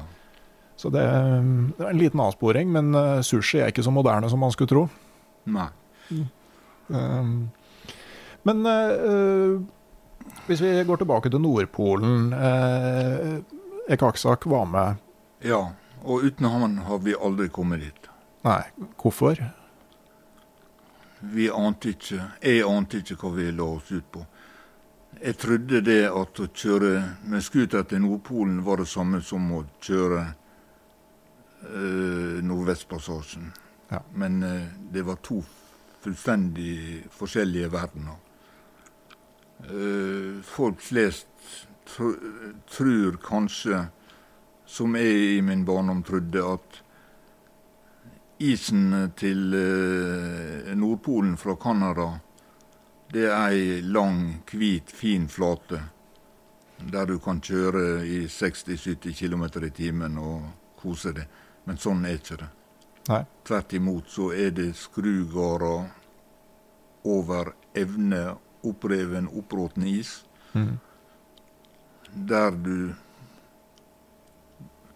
mange ganger for dag måtte gå foran scooteren med øks og hogge stier som du kom gjennom med scooteren. I tillegg til at Ekaksak, inuitten vår, han starta hver morgen med å ta scooteren sin og kjøre og var ute en time eller to, før han kom tilbake og hadde funnet beste veien å kjøre for oss med tunge sleder. Men eh, så kanskje ikke så, Sånn jeg husker det, så for han blei det her litt meningsløst etter hvert. Eh, det syntes han, og på et tidspunkt så eh, ville jo både han og flere andre avbryte og reise hjem. Vi hadde et fly som hadde et lite havari. Eh, og til slutt så var jeg vel aleine som ville fortsette. For eh, da tok jeg en staib og sa at jeg fortsetter om jeg så må fortsette alene. Men så tok jeg, jeg Kaksak til sides og fikk meg en prat med han, for han var nøkkelen. Og sa skjønner du, Kaksak, jeg kan ikke snu nå. Da går det i vasken alle mine planer om å bygge vikingskip og hele min karriere. Jeg, jeg, jeg kan ikke snu. Og du må være med hvis dette skal gå bra. For du også veit hva som skjer hvis jeg fortsetter alene. Og når vi har gått to ganger rundt leiren, så sier han det at I'll go with you. Han var nøkkelen. Mm. Og det er jo litt uh, interessant der og hvordan historien gjentar seg. Uh, både Amundsen og, og Nansen lærte av inuittene Ja, på. Grønland i Nordvestpassasjen. Og eh, det var nok en nøkkel for dem òg til det de gjorde seinere. ja. Vanskelig å se for seg at Nansen hadde overlevd returen eh, sammen med Johansen hvis han ikke hadde hatt en vinter på Grønland. Helt sikkert. Eh, Men det ble ikke noe pressekonferanse på, på Nordpolen. Men, men når du sto der, så var allerede planlegginga av det som på en måte må kunne sies å være hovedverket i livet ditt. da. Ja, for året før hadde jeg vært i Roskilde i Danmark og sett på den originale Saga Siglar, vrak nummer én. De fant tre vikingskip på bunnen der nede. Og det ene av de skipene var Knarren, som var grunnlaget for Saga Siglar og de tegningene som ble laga av den båten. En knarr det var liksom på en måte arbeidshesten i vikingenes flåte. ja, lastebåten. Og nå skal jeg prøve å billedgjøre For det første da, dette navnet Knarr. Eh, Det går igjen flere plasser i Norge. Knarvik, Knardal, Knarrestø. Ja, Eva Knardal, pianisten. Ja. Ja. Og for de som eh, er like grisete i tankegangen som jeg, eh, vil kanskje ha registrert at i gamle dager, når gubbene satt og snakka om ei eh, dame med store pupper, store barm, så sa de det. Ja, dette var ei knarrige kjelle. Ok. Ja, hun hadde en barm, brøst, til å bære ei stor og tung last. Og det var egenskapene til knarren. Den var ikke den raskeste, men den var høgbora, kraftig, brei, tok last og helt seg flytende. Så det var øh, den båten som var brukt av Eirik Raude og av de som dro til Island øh, etter Ingolf Arnarsson. Og det var ikke langskipa, det var krigsskip. Og det var ikke Gokstad-Oseberg-skipa. De var kongeskip, de var korver. For akkurat som i dag, så hadde våre forfedre for 1000 år siden ulike skipstyper til ulike føremål. Men eh, når du satt deg fore det her, så måtte jo Altså, det her var jo et prosjekt på en helt annen skala enn det du hadde vært borti. Men jeg tenker òg eh, Prøve å splitte det opp litt, men bare det å få bygd et mest mulig korrekt vikingskip altså Du måtte jo i kontakt med fagmiljøer. Altså, hvordan var det å få innpass der? Nå har jeg lett for å komme i kontakt med folk. Av en eller annen grunn så har i alle fall en del folk en tendens til å tro på meg. Noe som jeg tror du gjør akkurat nå. Før vi dro til Nordpolen, så hadde jeg vært i Roskilde i Danmark og fortalt direktøren, Ole Krummelin Pedersen, at når jeg var ferdig med Nordpolen, så skulle jeg bygge en kopi av Skullelev vrak nummer én og seile den jorda rundt. Og jeg ble omfavna av museumsdirektøren, som hadde vært med på å grave ut disse tre båtene. For de var senka utafor De var Roskilde senka for å sperre seilingsleia inn til Roskilde by, for å verne dem mot fiender, røvere. Ja.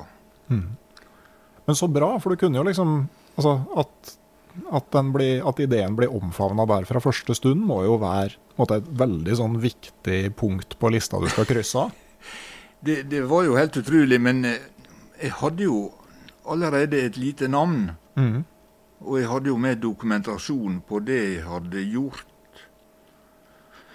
Og så har det seg sånn at originalen til Saga Stiglar, den var faktisk ikke bygd i Danmark, men den har vært bygd på Sør-Vestlandet rundt årtusen. Okay. Så det var en norsk båt. Mhm. Og det Ole fortalte meg den gangen, og det mange ganger seinere, de også hadde i tankene å bygge en kopi, og at den skulle bli bygd i Norge. Så når jeg kom med mine konkrete planer, og allerede hadde etablert kontakt og gjort en avtale med Sigurd Bjørkedal om å bygge båten, så hadde jeg mye å fare med. Jeg måtte bare først til Nordpolen og bli ferdig med det. Ja. Og det må jo på for så vidt være en drøm, da. Hvis du på et universitet har hatt en drøm om å skaffe midler og få til å bygge Ja, jeg- en kopi, og så kommer noen og sier at 'jeg tar den jobben'. Ja, og Du slipper å betale, jeg skal fikse penger. Og de eh, fikk jo være med på prosjektet, og delvis på seilasen. Mm. Og var med på at det ble en mest mulig rett kopi, og med rett utstyr. Der også sjefen for Oldsakssamlinga i Norge, Ole Krummelin, nei, Arne Emil Christensen, var ei veldig god hjelp og støtte hele prosjektet. Mm. Og også når jeg seinere bygde og seile Oseberg og Gokstadskipet. Ja. Men øh, øh, han øh, Bjørkedal, han het han som skulle bygge skipet? Ja, Sigurd Bjørkedal. Ja. For den, så, hvis jeg husker rett nå, så hadde du bedt han om å ikke ta på seg noe arbeid for sommeren etter du kom tilbake fra Nordpolen. Ja, og jeg var jo inne og hadde møte med han før jeg dro til Nordpolen. Mhm. Og hadde med tegninger da av eh, denne knarren. Som la på bordet og satt og studerte. Nja, ja, denne, ja, jeg kan bygge Skal greie å bygge denne. Eh, Båt skal det bli. Ja, kan du eh, love å bygge den til meg, da? Og starte neste år. Dette var på høsten. Så neste år var da 82. Og så svarer Sigurd nja, hvis du drar til Nordpolis, så skal jeg bygge båt i. Mm. Og sånn ble det. Men jeg husker han, det, noe av det siste han spurte deg om eh, da dere gjorde avtalen, siste spørsmål hans var ja, har du penger til å betale, forresten? Eh, det er ikke helt rett det du sier nå. For noe av det første jeg gjorde etter Nordpolen, det var å reise inn igjen til Ant Sigurd og bekrefte bestillinga i 82. Mhm. Og leveringstidspunkt og alt mulig sånt. Mhm. Det var aldri skrevet noe, dette var muntlig mellom Sigurd og meg. Ja. Og på slutten så sier han da Ja Det hadde nå vært kjekt med noen handpenger. Han skulle ha seg ny traktor, skjønner du. Ja, sa jeg. Penger har jeg ikke så mye av. Jeg hadde fortalt ham hvor jeg hadde tenkt å finansiere det. Mm. Men jeg har 50 000 kroner. Det kan du få. Er det nok til å begynne med? Ja. Velsigne det, sa han. Jeg begynner i morgen. Men da tenker jeg eh, Jeg leste i boka at dere hadde et sånn startbudsjett på rundt 6 millioner kroner Ja, ja. på tidlig 80-tallet. Jeg prøvde en sånn der inflasjonskalkulator som sa at det nærmer seg 20 millioner i dag. Og så tenker jeg, hvordan, når du kjørte tilbake etter det møtet her, og så har du liksom satt i gang Snøballen har begynt å rulle. Du har begynt å bygge skipet, men du mangler seks millioner kroner. Hvordan Jeg mangler en million til å betale for skipet. Jeg mangler alt. Mm. Men eh, som han Ivar Aasen eh, sa, når du ikke eh, Ikke hvitlig, vesle hvite strekk Ja, når ikke vesle hvete ikke strekker til, da hadde jeg den sterke trua på at dette greier jeg. Og jeg hadde definert ganske klart for meg hvor jeg skulle finansiere det. Jeg ville finansiere båten på Sunnmøre. Fra Sunnmøre med sunnmørskapital. For framtida til båten skulle være Sunnmøre. Og eh, det greide jeg. Det var flere større bedrifter. Jens Petter Ekornes med 100 000. Og flere andre. Mm. Og det ble etter hvert en million. Ja. Men for å skrape sammen resten, så var du på en måte nå inn i et sånn finansielt lende hvor det ikke holdt å ta en telefon til vi menn lenger. Nei, eh, vi menn tror ikke var inne i dette prosjektet i det hele tatt. Nei. Men når jeg hadde båtbygger, tegninger og finansiert det båten ville koste, da begynte jeg å reise ut av Sunnmøre og til Oslo og ut i land og andre land. Mm. For da hadde jeg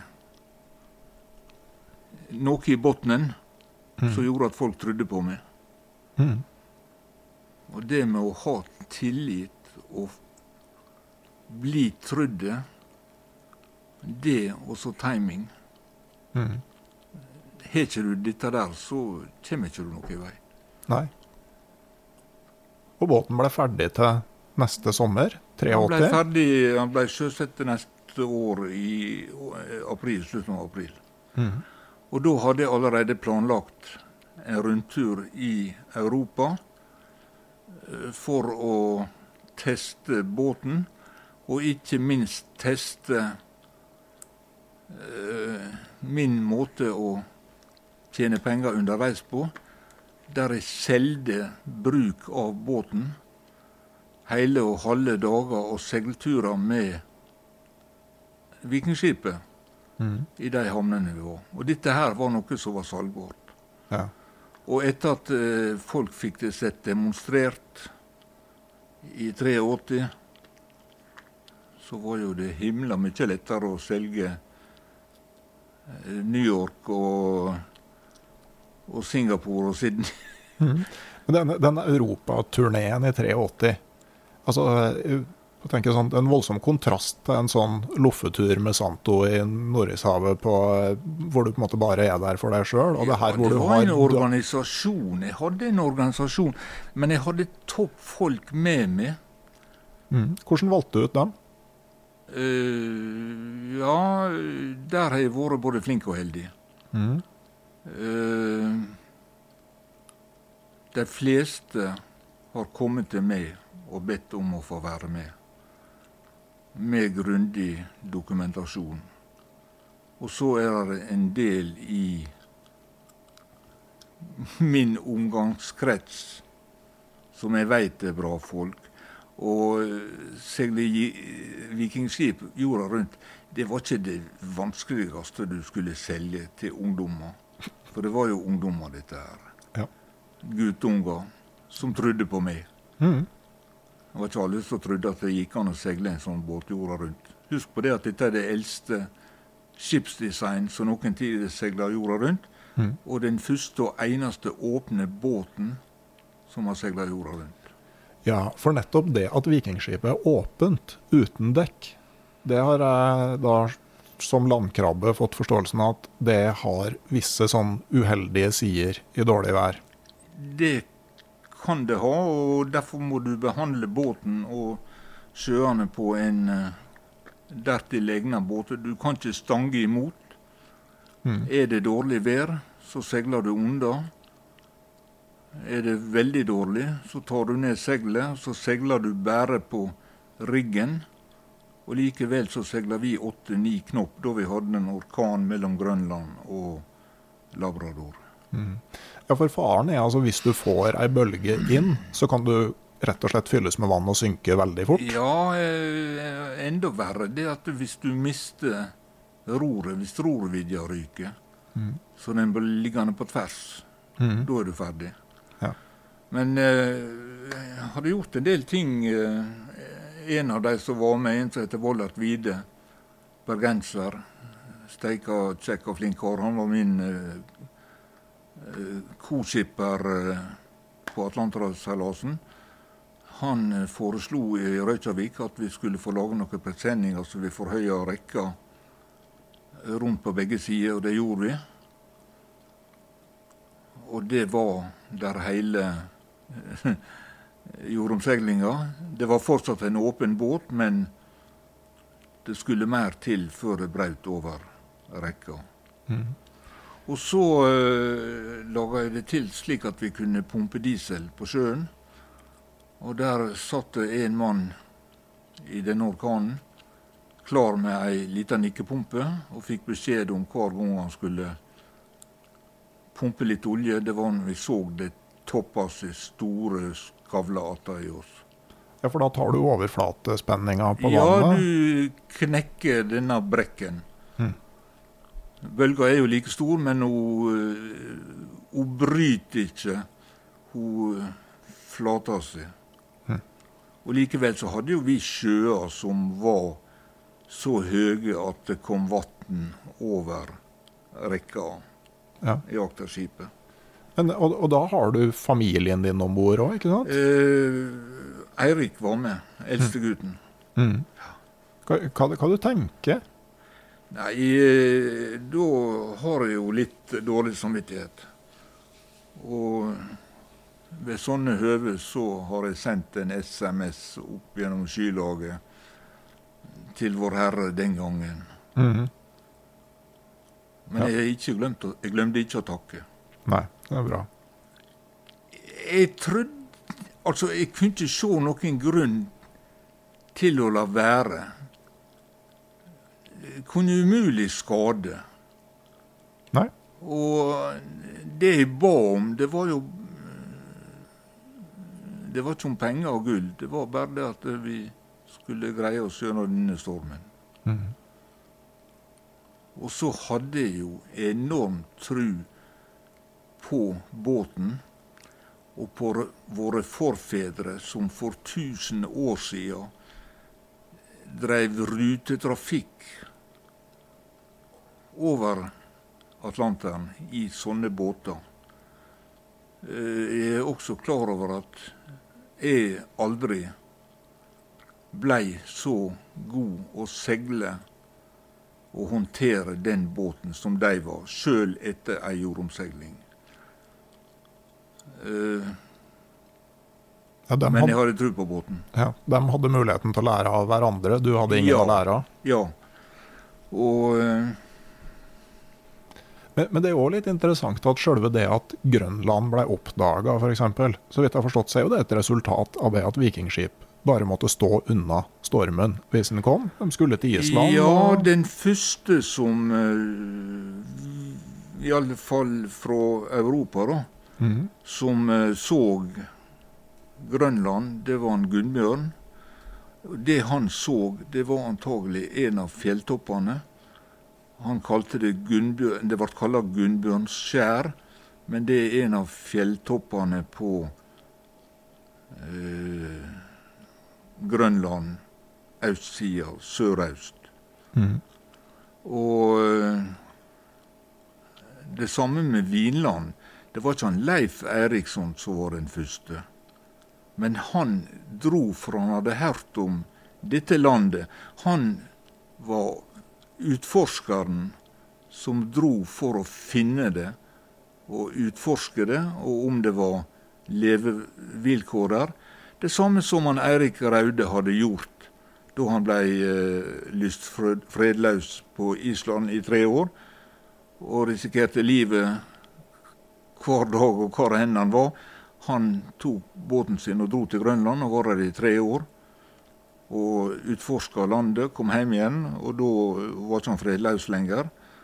Og så satte han i gang skikkelig PR-kampanje for det nye landet som han klokelig nok kalte Grønland. Og fikk med seg en hel gjeng med høvdinger som liks, til liks med, med Eirik eh, syntes det var blitt vel folksomt på Island, og ikke bare fred og moro. Så dro de til Grønland? Så dro de til Grønland. og der var det nordmenn i 500 år. Ja, noe sånt. Ja.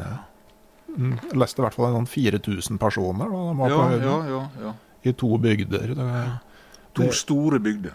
Ja. Ja, Austerbygda, Vesterbygda. Det, det, det er jo store områder. Det, det er ikke bygd i den Så det er rettere sagt Austerbygdene Mhm. og Vesterbygdene. ja. Og det ene ligger helt i sør, og det andre et stykke opp på vestkysten. Ja, Austerbygdene, det er jo der Eirik Raude slo seg ned, Brattali, og der er Gardar og Ja. Mm. Men uh, du har jo skrevet litt om Eirik Raude i bøkene dine. på en måte, altså, man tenker jo kanskje det er lett å tenke på han som en kranglefant, at, med at han på en måte først ble landsforvist fra Norge, og så fra Island eh, lett, rett etterpå. Men du har jo skrevet litt om at, på en måte, at kanskje ferdighetene hans sånn situasjonsbetinga passa bedre i en sånn koloniseringssetting enn i et stadig mer tettbefolka område. Ja, det, det kan virke sånn, for eh, Han måtte jo gi seg i en del eh, sammenhenger, Erik, den gode Erik Raude. Eh, det kom jo en munk til Grønland som forkynte kristendommen og det evige liv. Og den første som tok til kristendommen på Grønland, det var hun Tjodil, kona hans Eirik Raude. Ja, hadde han tapt. Og eh, hun ville ha ei kirke.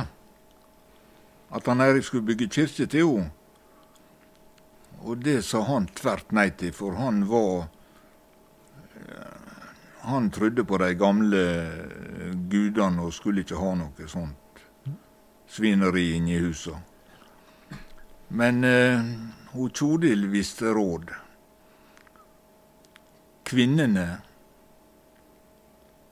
i norrøn tid og vikingtida, de hadde makt. De hadde mynde. De hadde respekt. Og Tjodil sa enkelt og greit til Eirik du får ikke ligge sammen med meg før jeg får lov å bygge før du bygger kirke til meg. Og den som måtte gi seg da, det var han Eirik. Så han bygde Tjodils kirke, som var det første kirkebygg på Grønland. Så kom ikke her og si at uh, vikingkvinnene uh, var noe uh, påtrakka, mm, umælende dyr. Det var ikke de. Det var tøffe damer.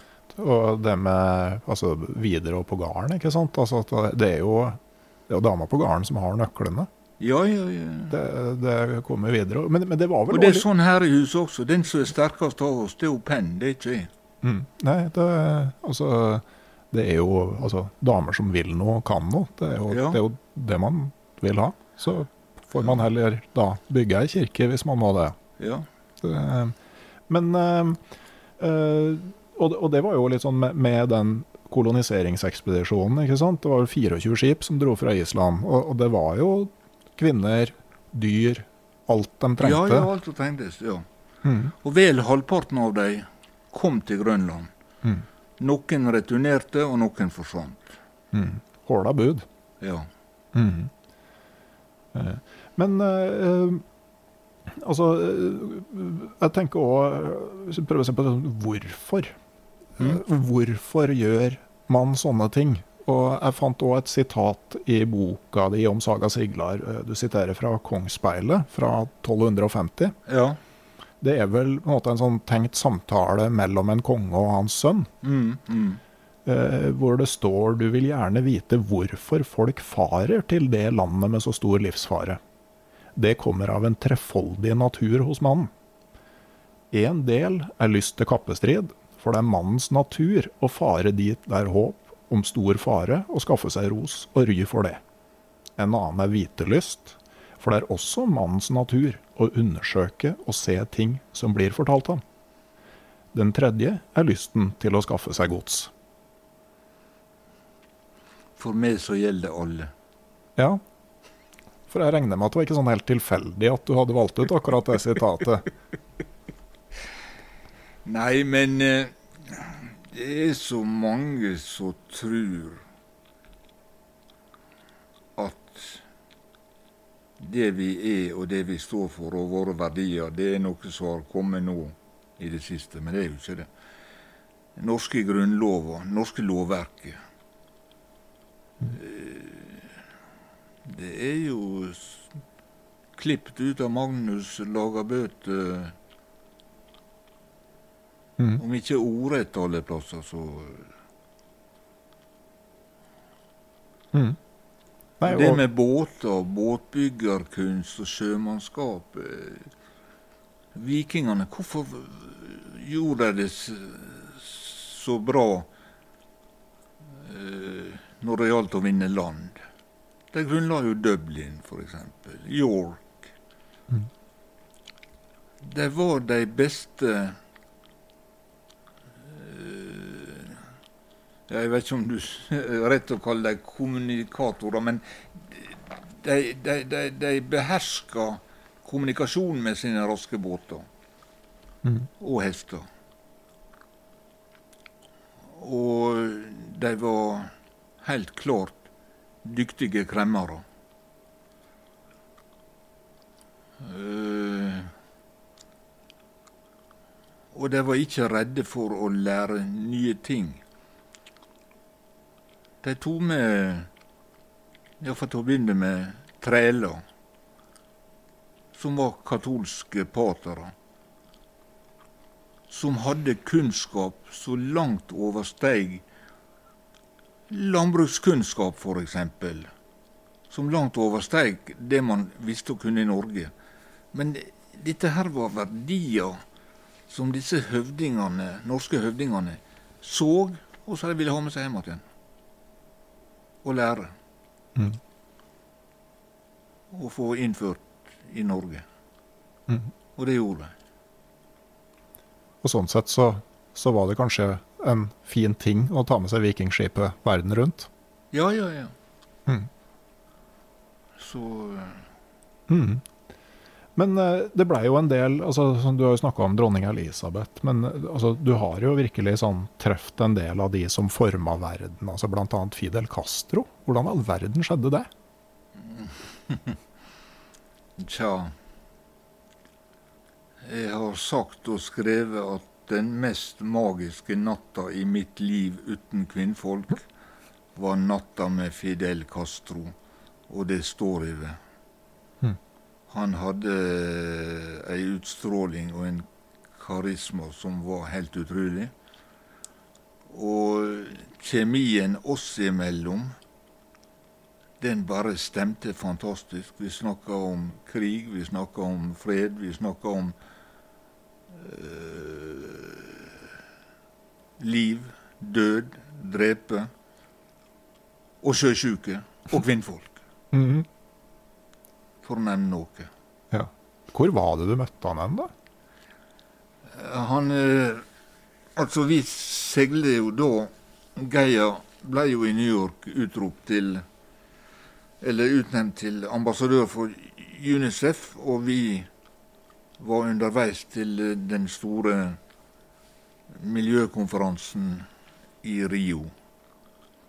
Og så blei Og dette var jo Knut Kloster, eh, dronning Sonja og president Vigdis Finnvågadottir sine prosjekt, der Knut stilte med pengene, og Sonja og Vigdis med sine apparat. Mm. Og Gro Harlem Brundtland var jo litt engasjert i det. Og... Så det var uh, kremen. Mhm. Og uh, Castro er ingen torsk. Nei. han, var, han var ikke det. Nei. Det, nei, altså det er jo på en måte åpenbart at uansett måte, hva man tenker om det politiske prosjektet, altså det kan man jo selvsagt diskutere. Men, at, Eh, men, du kan diskutere det, men jaggu har han gjort mer godt eller galt. ja, men, men poenget er at, liksom, at den, den karismaen og evnen til å få Få med folk, folk med seg. den er jo uomtvistelig. Mannen var magisk. Jeg må jo også si at sånn, eh, for å trekke det tilbake til Norge, at altså sånn, eh, det er jo ikke nødvendigvis noe sammenheng mellom hvilke politiske partier du sympatiserer med, og hvem du mener er de flinkeste til å nå fram til folk og til å tale. Altså det, det er jo to, eh, er to, to helt forskjellige Ja. ting. Men eh, etter hvert òg, så Saga Siglar rundt jorda, over Stillehavet, med familien om bord. Ja. Mhm. Det var der vi fikk ideen til å planla overvintring på Svalbard. Ja. De, Og vi ville på Sånn har det alltid vært med meg. Nytt prosjekt. Aldri ferdig med noe prosjekt, og så starta jeg. nei, det det er jo påfallende hvor på en måte frenetisk tempo det er hele tida. Nå skal jeg fortelle en ting. Hvis du skal på en ekspedisjon og har gjort alt rett, så er 95% gjort den dagen du starter. Det er de siste 5% som er krevende, der du må yte ditt beste, og der de med flaks handler rett og vinner. Mhm. Forsto du det sa nå? Ja. Ja. Det er jo et, et tema vi har vært innom. At det at uh, Altså, det er jo som man sier i sport òg, at de, Ja. de dyktigste har mest flaks. Ja, ja. Eh, det er liksom Du må, må legge rett til rette for det sjøl. ja. Jepp. Men uh, etter, etter at ferden med Saga Siglar var over, da, Ragnar Thorseth, så, så var det overvintring på Svalbard. Og hvordan var det da måtte, å fryse inn i en fjord og bli der? Eh, Det var jo noe vi hadde drømt og snakka om eh, på hele seilasen over Stillehavet. Hva vi skal gjøre neste gang. Da ble planene lagt for det året. Og eh, faktisk på vei hjem til Sunnmøre med Saga Siglar, så kom eh, jeg over Havella som da var eid av Grieg og Co. i Bergen, og lå i Risør. Eh, Et kjapt besøk i banken og et par kjappe telefoner med Per Grieg. Så hadde jeg en avtale og finansiering. Da lånte jeg penger. Mm. For sikkerhets skyld så lånte jeg tre millioner. Halvparten til å betale båten og halvparten til å få han utstyrt for ei overvintring og reparert. Så når vi kom til Risør, så tok vi med oss Havella som lå der og skulle på verksted, og kom hjem igjen hit med både Saga Siglar og Havella. Mhm. Og da blei boka om Saga Siglar ble til. Den blei til Ja, den skrev jeg vel da jeg overvintra på Svalbard, tror jeg. Jeg mener det står det. At Ja, i hvert fall sånn ja, sluttordet er fra Samtidig skrev jeg for et par aviser mm. når vi lå der oppe. Mm. Vi fikk eh, eh, Televerket ordna med en, telefonlink, radiolink i Kongsfjordpasset. Mm. Så vi hadde telefonforbindelse der vi lå i, på nordsida av Kongsfjorden. Uh, vi fikk uh, telefax plassert på uh, skolen der Eirik og Njål Eller skolene der de gikk. Mhm. Så de kommuniserte med sine skoler og klasse, klasseforstandere med telefax. Og jeg kommuniserte med to aviser med PC og skrev og sendte på nettet. Hm. Og det var jo rimelig tidlig Ja. i leiken. Det var ikke mange som hadde sånt utstyr den gangen. Nei. Og en viss forskjell fra de første turene en 20 års tid Det var en veldig stor forskjell. Mhm. Men eh, det å ha god kommunikasjon og åpne kanaler, det, det er en forutsetning for å få til ting. Mm. Det Og jeg ser det nå hvor bra det er for Penn sin del at hun kan snakke med eh, familien sin i Thailand og se, se dem live på skjermen mm. hver eneste dag. Det gjør det mye lettere for henne å være så lenge her i Norge nå uten å komme hjem og besøke dem. Mm. Ja, det har virkelig skjedd noe eh, Ja. der. Men eh, etter den årvintringa her, så, så blir det jo en liksom, endring i livet ditt. Du kjøper et fiskevær, på Holmen. Ja, det skjedde når vi kom ned fra uh, overvintringa. Jeg hadde fått en telefon mens jeg var der oppe. At eh, dette fiskeværet Håholmen, der eh, mor mi kom ifra, og der jeg har tilbrakt mye tid, både som barn og i ungdomstida, og som ble kjøpt av bestefar min, morfar min, i 1898 da han kom igjen etter tolv år som gullgraver i Alaska. Eh, Det ble solgt eh, et par-tre år før ut av familien. Og så de som kjøpte, fikk ikke til å drive det sånn som det var tenkt. Så det kom ut på auksjon. Og jeg var der og kikka, diskuterte det med Kari. Jeg fikk med meg et par venner med kapital. Og bl.a. gjennom Averøy kommune, som var interessert i at vi skulle overta, så fikk vi kjøpt det. Og var 16-17 år der oppe og bygde opp, restaurerte det. Bygde opp Holmen med mye nytt til å bli et veldig bra kurs-, konferanse- og feriesenter. Er det på en måte noe fellestrekk mellom å organisere og drive et sånt sted og det å være ekspedisjonsleder? Eh, det, er, det er jo mer arbeid å drive et sted som Håholmen, som ikke har vei, Mhm. som har egne kommunikasjoner med båt, eh, der du skal transportere ikke bare mat og gjester, men også arbeidere, og en kontinuerlig byggeprosess. Både å bygge opp produktet som et spennende produkt for kunder, men så bygge opp alle husene og veier og alt mulig. Så, så det var knallhard jobbing. Og uten Kari så hadde jo aldri det gått.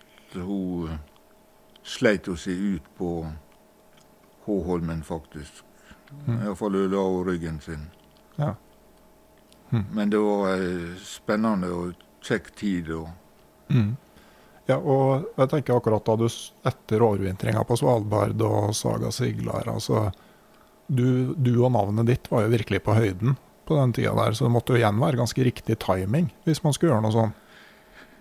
Ja, nå De to som var med og investerte i lag med Kari og meg, og det var jo folk som jeg har blitt kjent med gjennom mitt ekspedisjonsliv. Mm. og som har vært sponsorer, og som kjente meg, og til dels også Kari ganske godt. Mm. Så det var jo venner. Mm. Uh, og uten dem så har det blitt vanskelig å få det til. Mm. Men eh, først og fremst så eh, var jo det en voldsom innsats fra oss, da, og særlig fra Kari. Mm. Men samtidig så fikk du bygd flere vikingskip.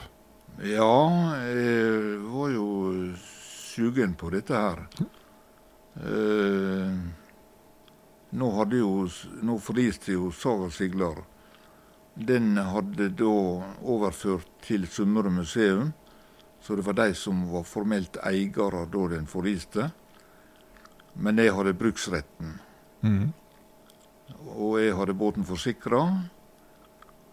Og jeg fikk da oppdraget med å få bygd en erstatningsbåt, som jeg gjorde. Som vi brukte på Håholmen, men eh, jeg så jo det at vi trengte vårt eget vikingskip, så vi fikk bygd også en knarr til Håholmen, som fikk navnet Kvitserk, og som er der ennå. Og så eh, fikk jeg bygd eh, og finansiert, lånefinansiert, Gokstadskipet, som jeg seinere solgte til Knut Kloster. Og så kjøpte vi eh, i lag med noen venner Osebergskipet, der de som hadde bestilt båten, ikke greide å betale. OK. Og da solgte Sigurd til meg og mine venner. Hm. Så jeg satt jo med ei flåte på tre vikingskip per periode. Det er noen eh, hundre år siden noen har gjort det sist. Eh, Tusen år siden, tror jeg. Ja. Nesten. Ja. Eh.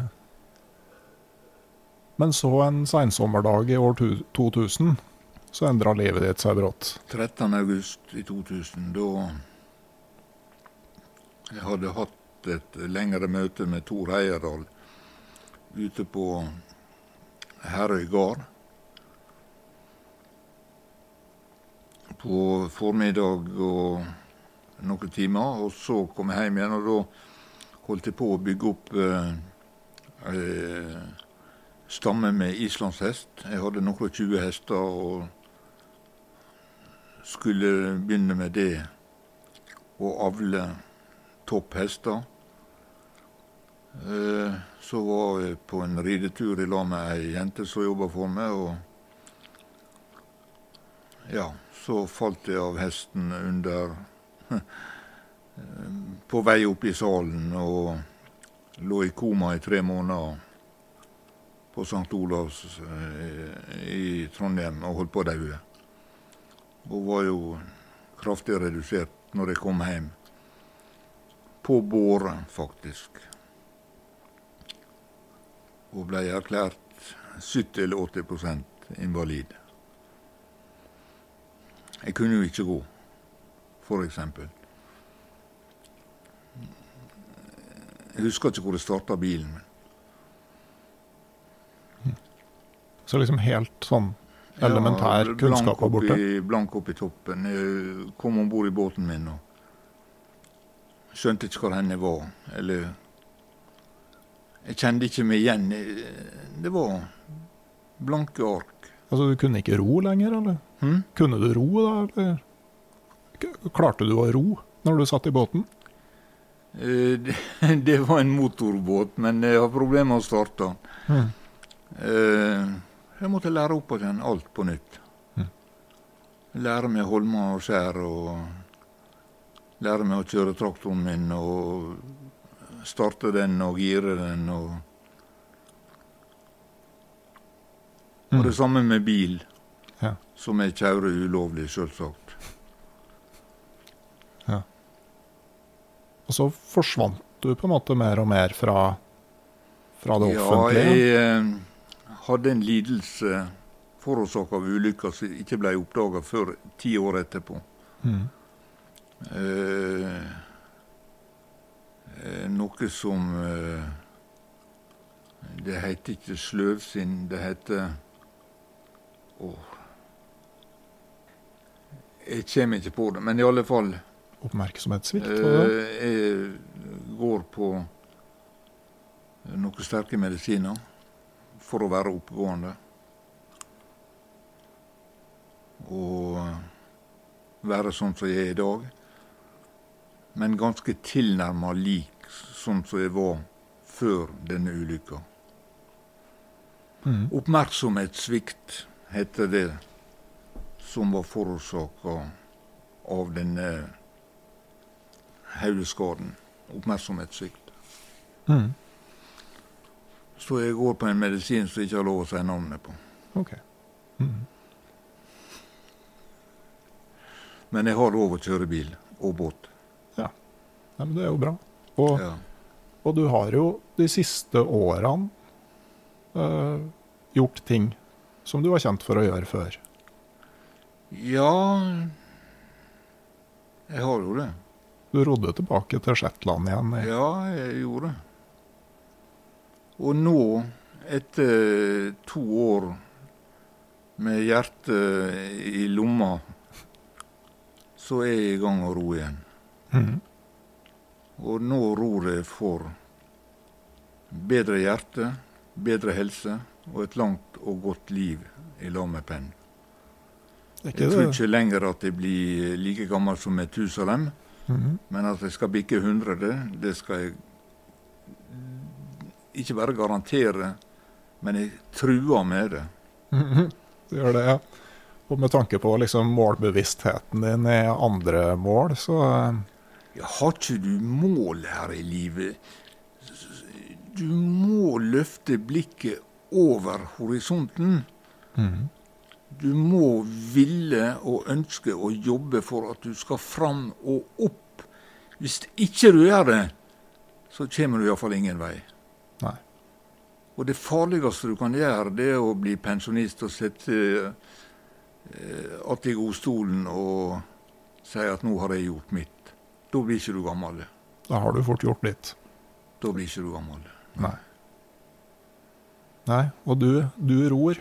Jeg prøver å ro. Jeg har et lite håp om at jeg skal få det om bord før vi er ferdig med dette her. Det kan jo bli interessant. Ja. Men men eh, det, det ser jeg fram til.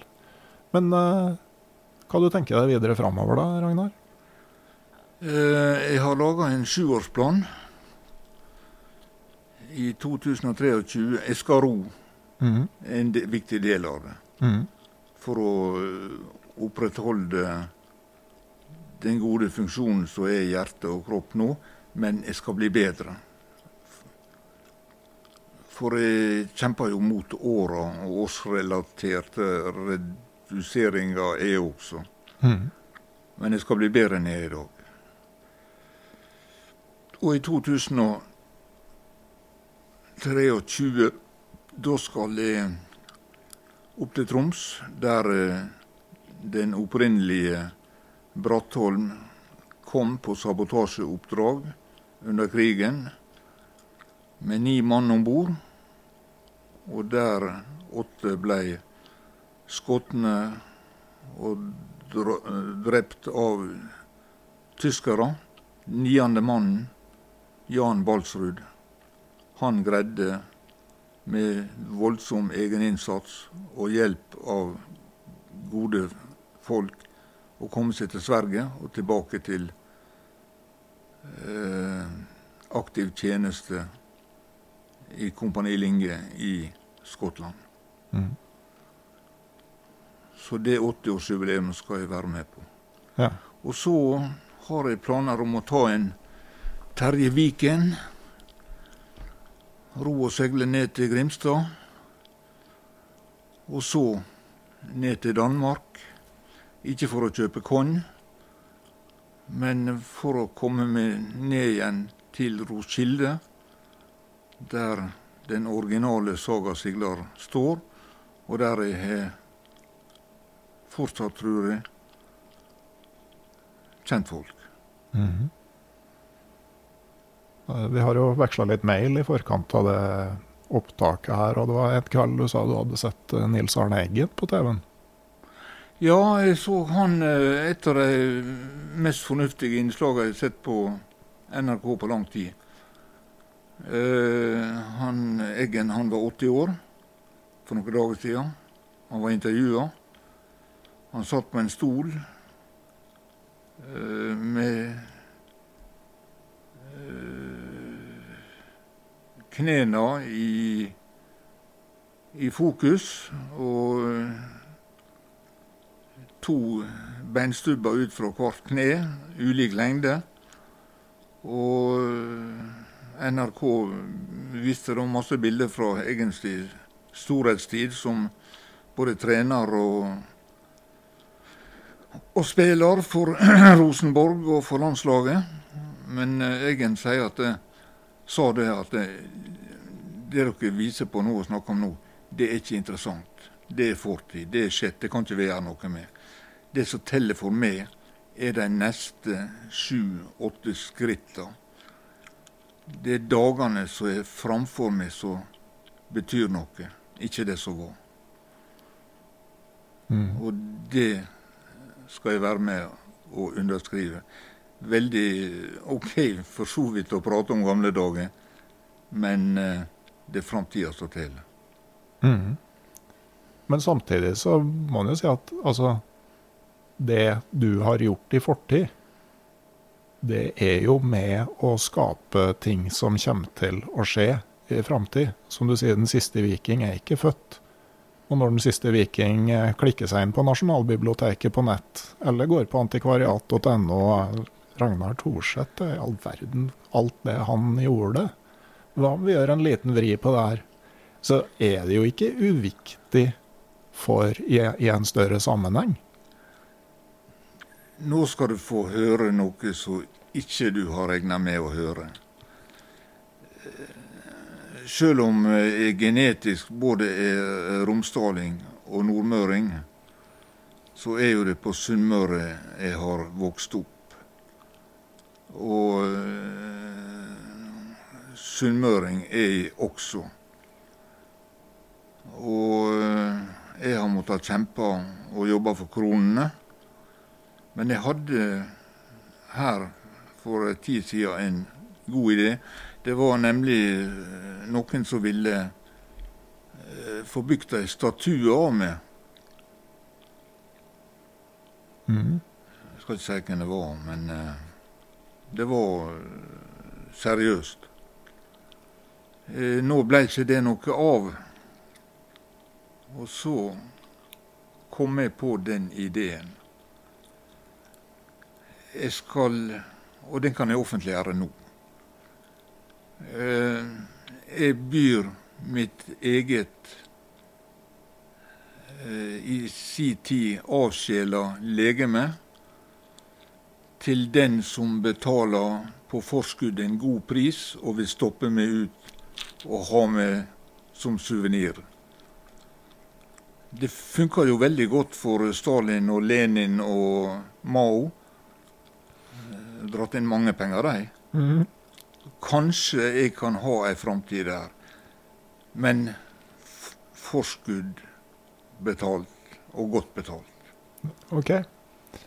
Jeg vet ikke om noen av lytterne her eh, verken har eh, sånn type midler eller sånn type lyster, men eh, jeg ser for meg Jeg vet ikke helt om jeg liker tanken på at du står i kroken på arbeidsrommet og titter meg over skuldra når jeg er på jobb.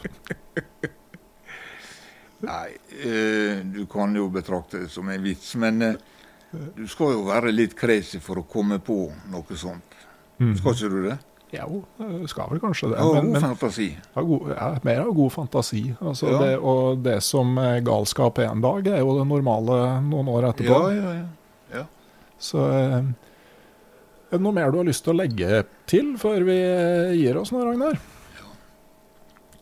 Og jeg er ikke redd for å fortelle om mine tanker. Jeg er i det hele tatt veldig sjelden redd. Og jeg har aldri vært redd for mitt eget liv. Jeg har vært redd for andre sine liv på disse turene. Og jeg har av og til vært redd for det jeg kan gjøre sjøl men jeg har aldri vært redd for mitt liv. i noen situasjon på land eller sjø.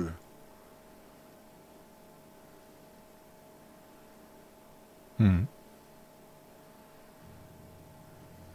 Skal vi la det bli det siste ordet? Da sier jeg tusen takk for at jeg har fått lov å komme hit, Ragnar. Og for at du har eh, brukt tid på å la oss få være med gjennom det fantastiske livet ditt til nå. Og så sier vi som Du Eggen får komme igjen når det er 100. Det skal Jeg tror jeg har blitt litt sånn som far min, som alltid legger til på alt som er mer enn tre dager fram i tid, at ja, hvis jeg fortsatt er med, så skal jeg Jeg gjøre det. det. har foreløpig en sjuårsplan. Du har foreløpig en sjuårsplan. Eh, Ja. Vi gleder oss til å følge med på sjuårsplanen. Eh, takk for at dere òg har vært med oss så lenge, dere som hører på. Eh, sjekk ut hjemmesida til Ragnar Thorseth. Hjemme hos eh, Penn og Ragnar. Noe å tenke på for de som trenger eh, en samling på jobben etter at landet har vært stengt så lenge. Og så sier jeg òg tusen takk til dere som støtter podkasten Uteliv gjennom frivillig abonnement på Patrion. Dere er med og gjør den podkasten mulig. Og om ei uke så kommer det en ny episode. Ha det bra.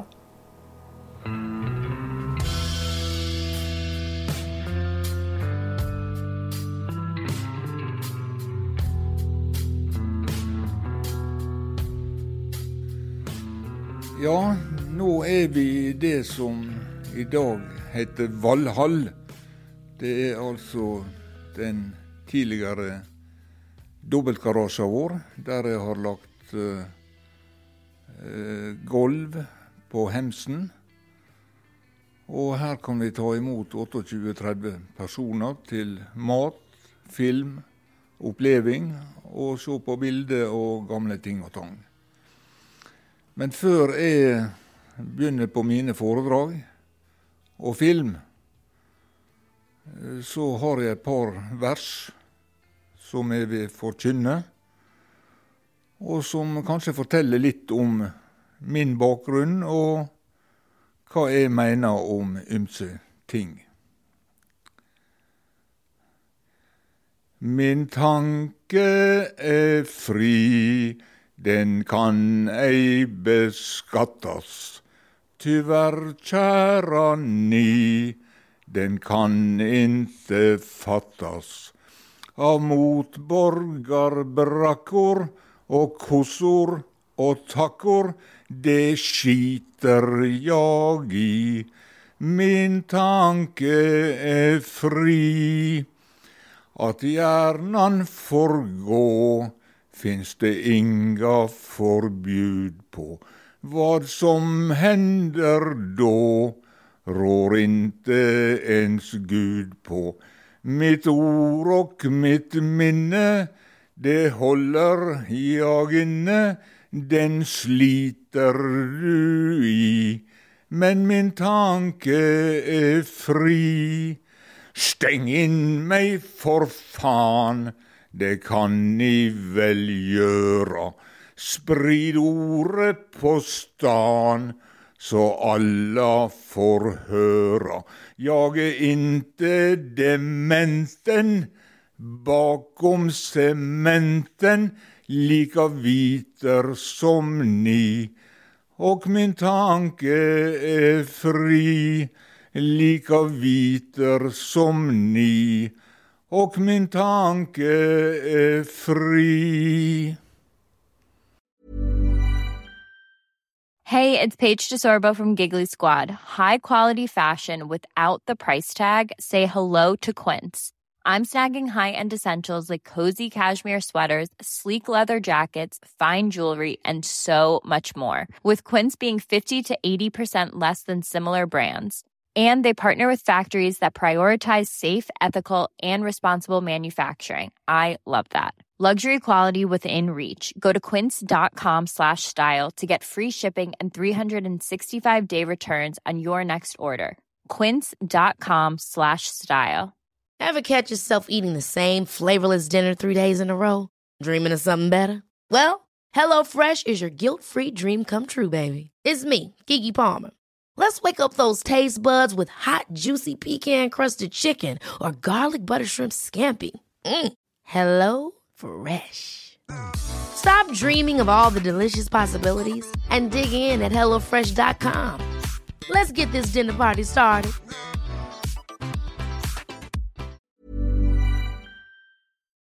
Hei, jeg heter Nore og er daglig leder i Barents Outdoor. Det beste vi kan gjøre for planeten, er å redusere forbruket vårt og få mer ut av det utstyret vi allerede har. Men vi vet av erfaring at bruken av telt kan endre seg over tid. Det teltet du kjøpte for to år siden, passer kanskje ikke det behovet du har i dag. Derfor har vi i Barents etablert en egen panteordning der vi tar imot brukte telt av god kvalitet i innbytte når du kjøper et nytt av oss. Prosessen er enkel. På barentsoutdoor.no gir du oss informasjon om teltet du vil bytte inn. Basert på det får du et tilbud fra oss som gir deg rabatt på ditt neste Barents-produkt. Mer info og betingelser finner du på barentsoutdoor.no. Og husk at den første reparasjonen på produkter fra Barents er alltid gratis.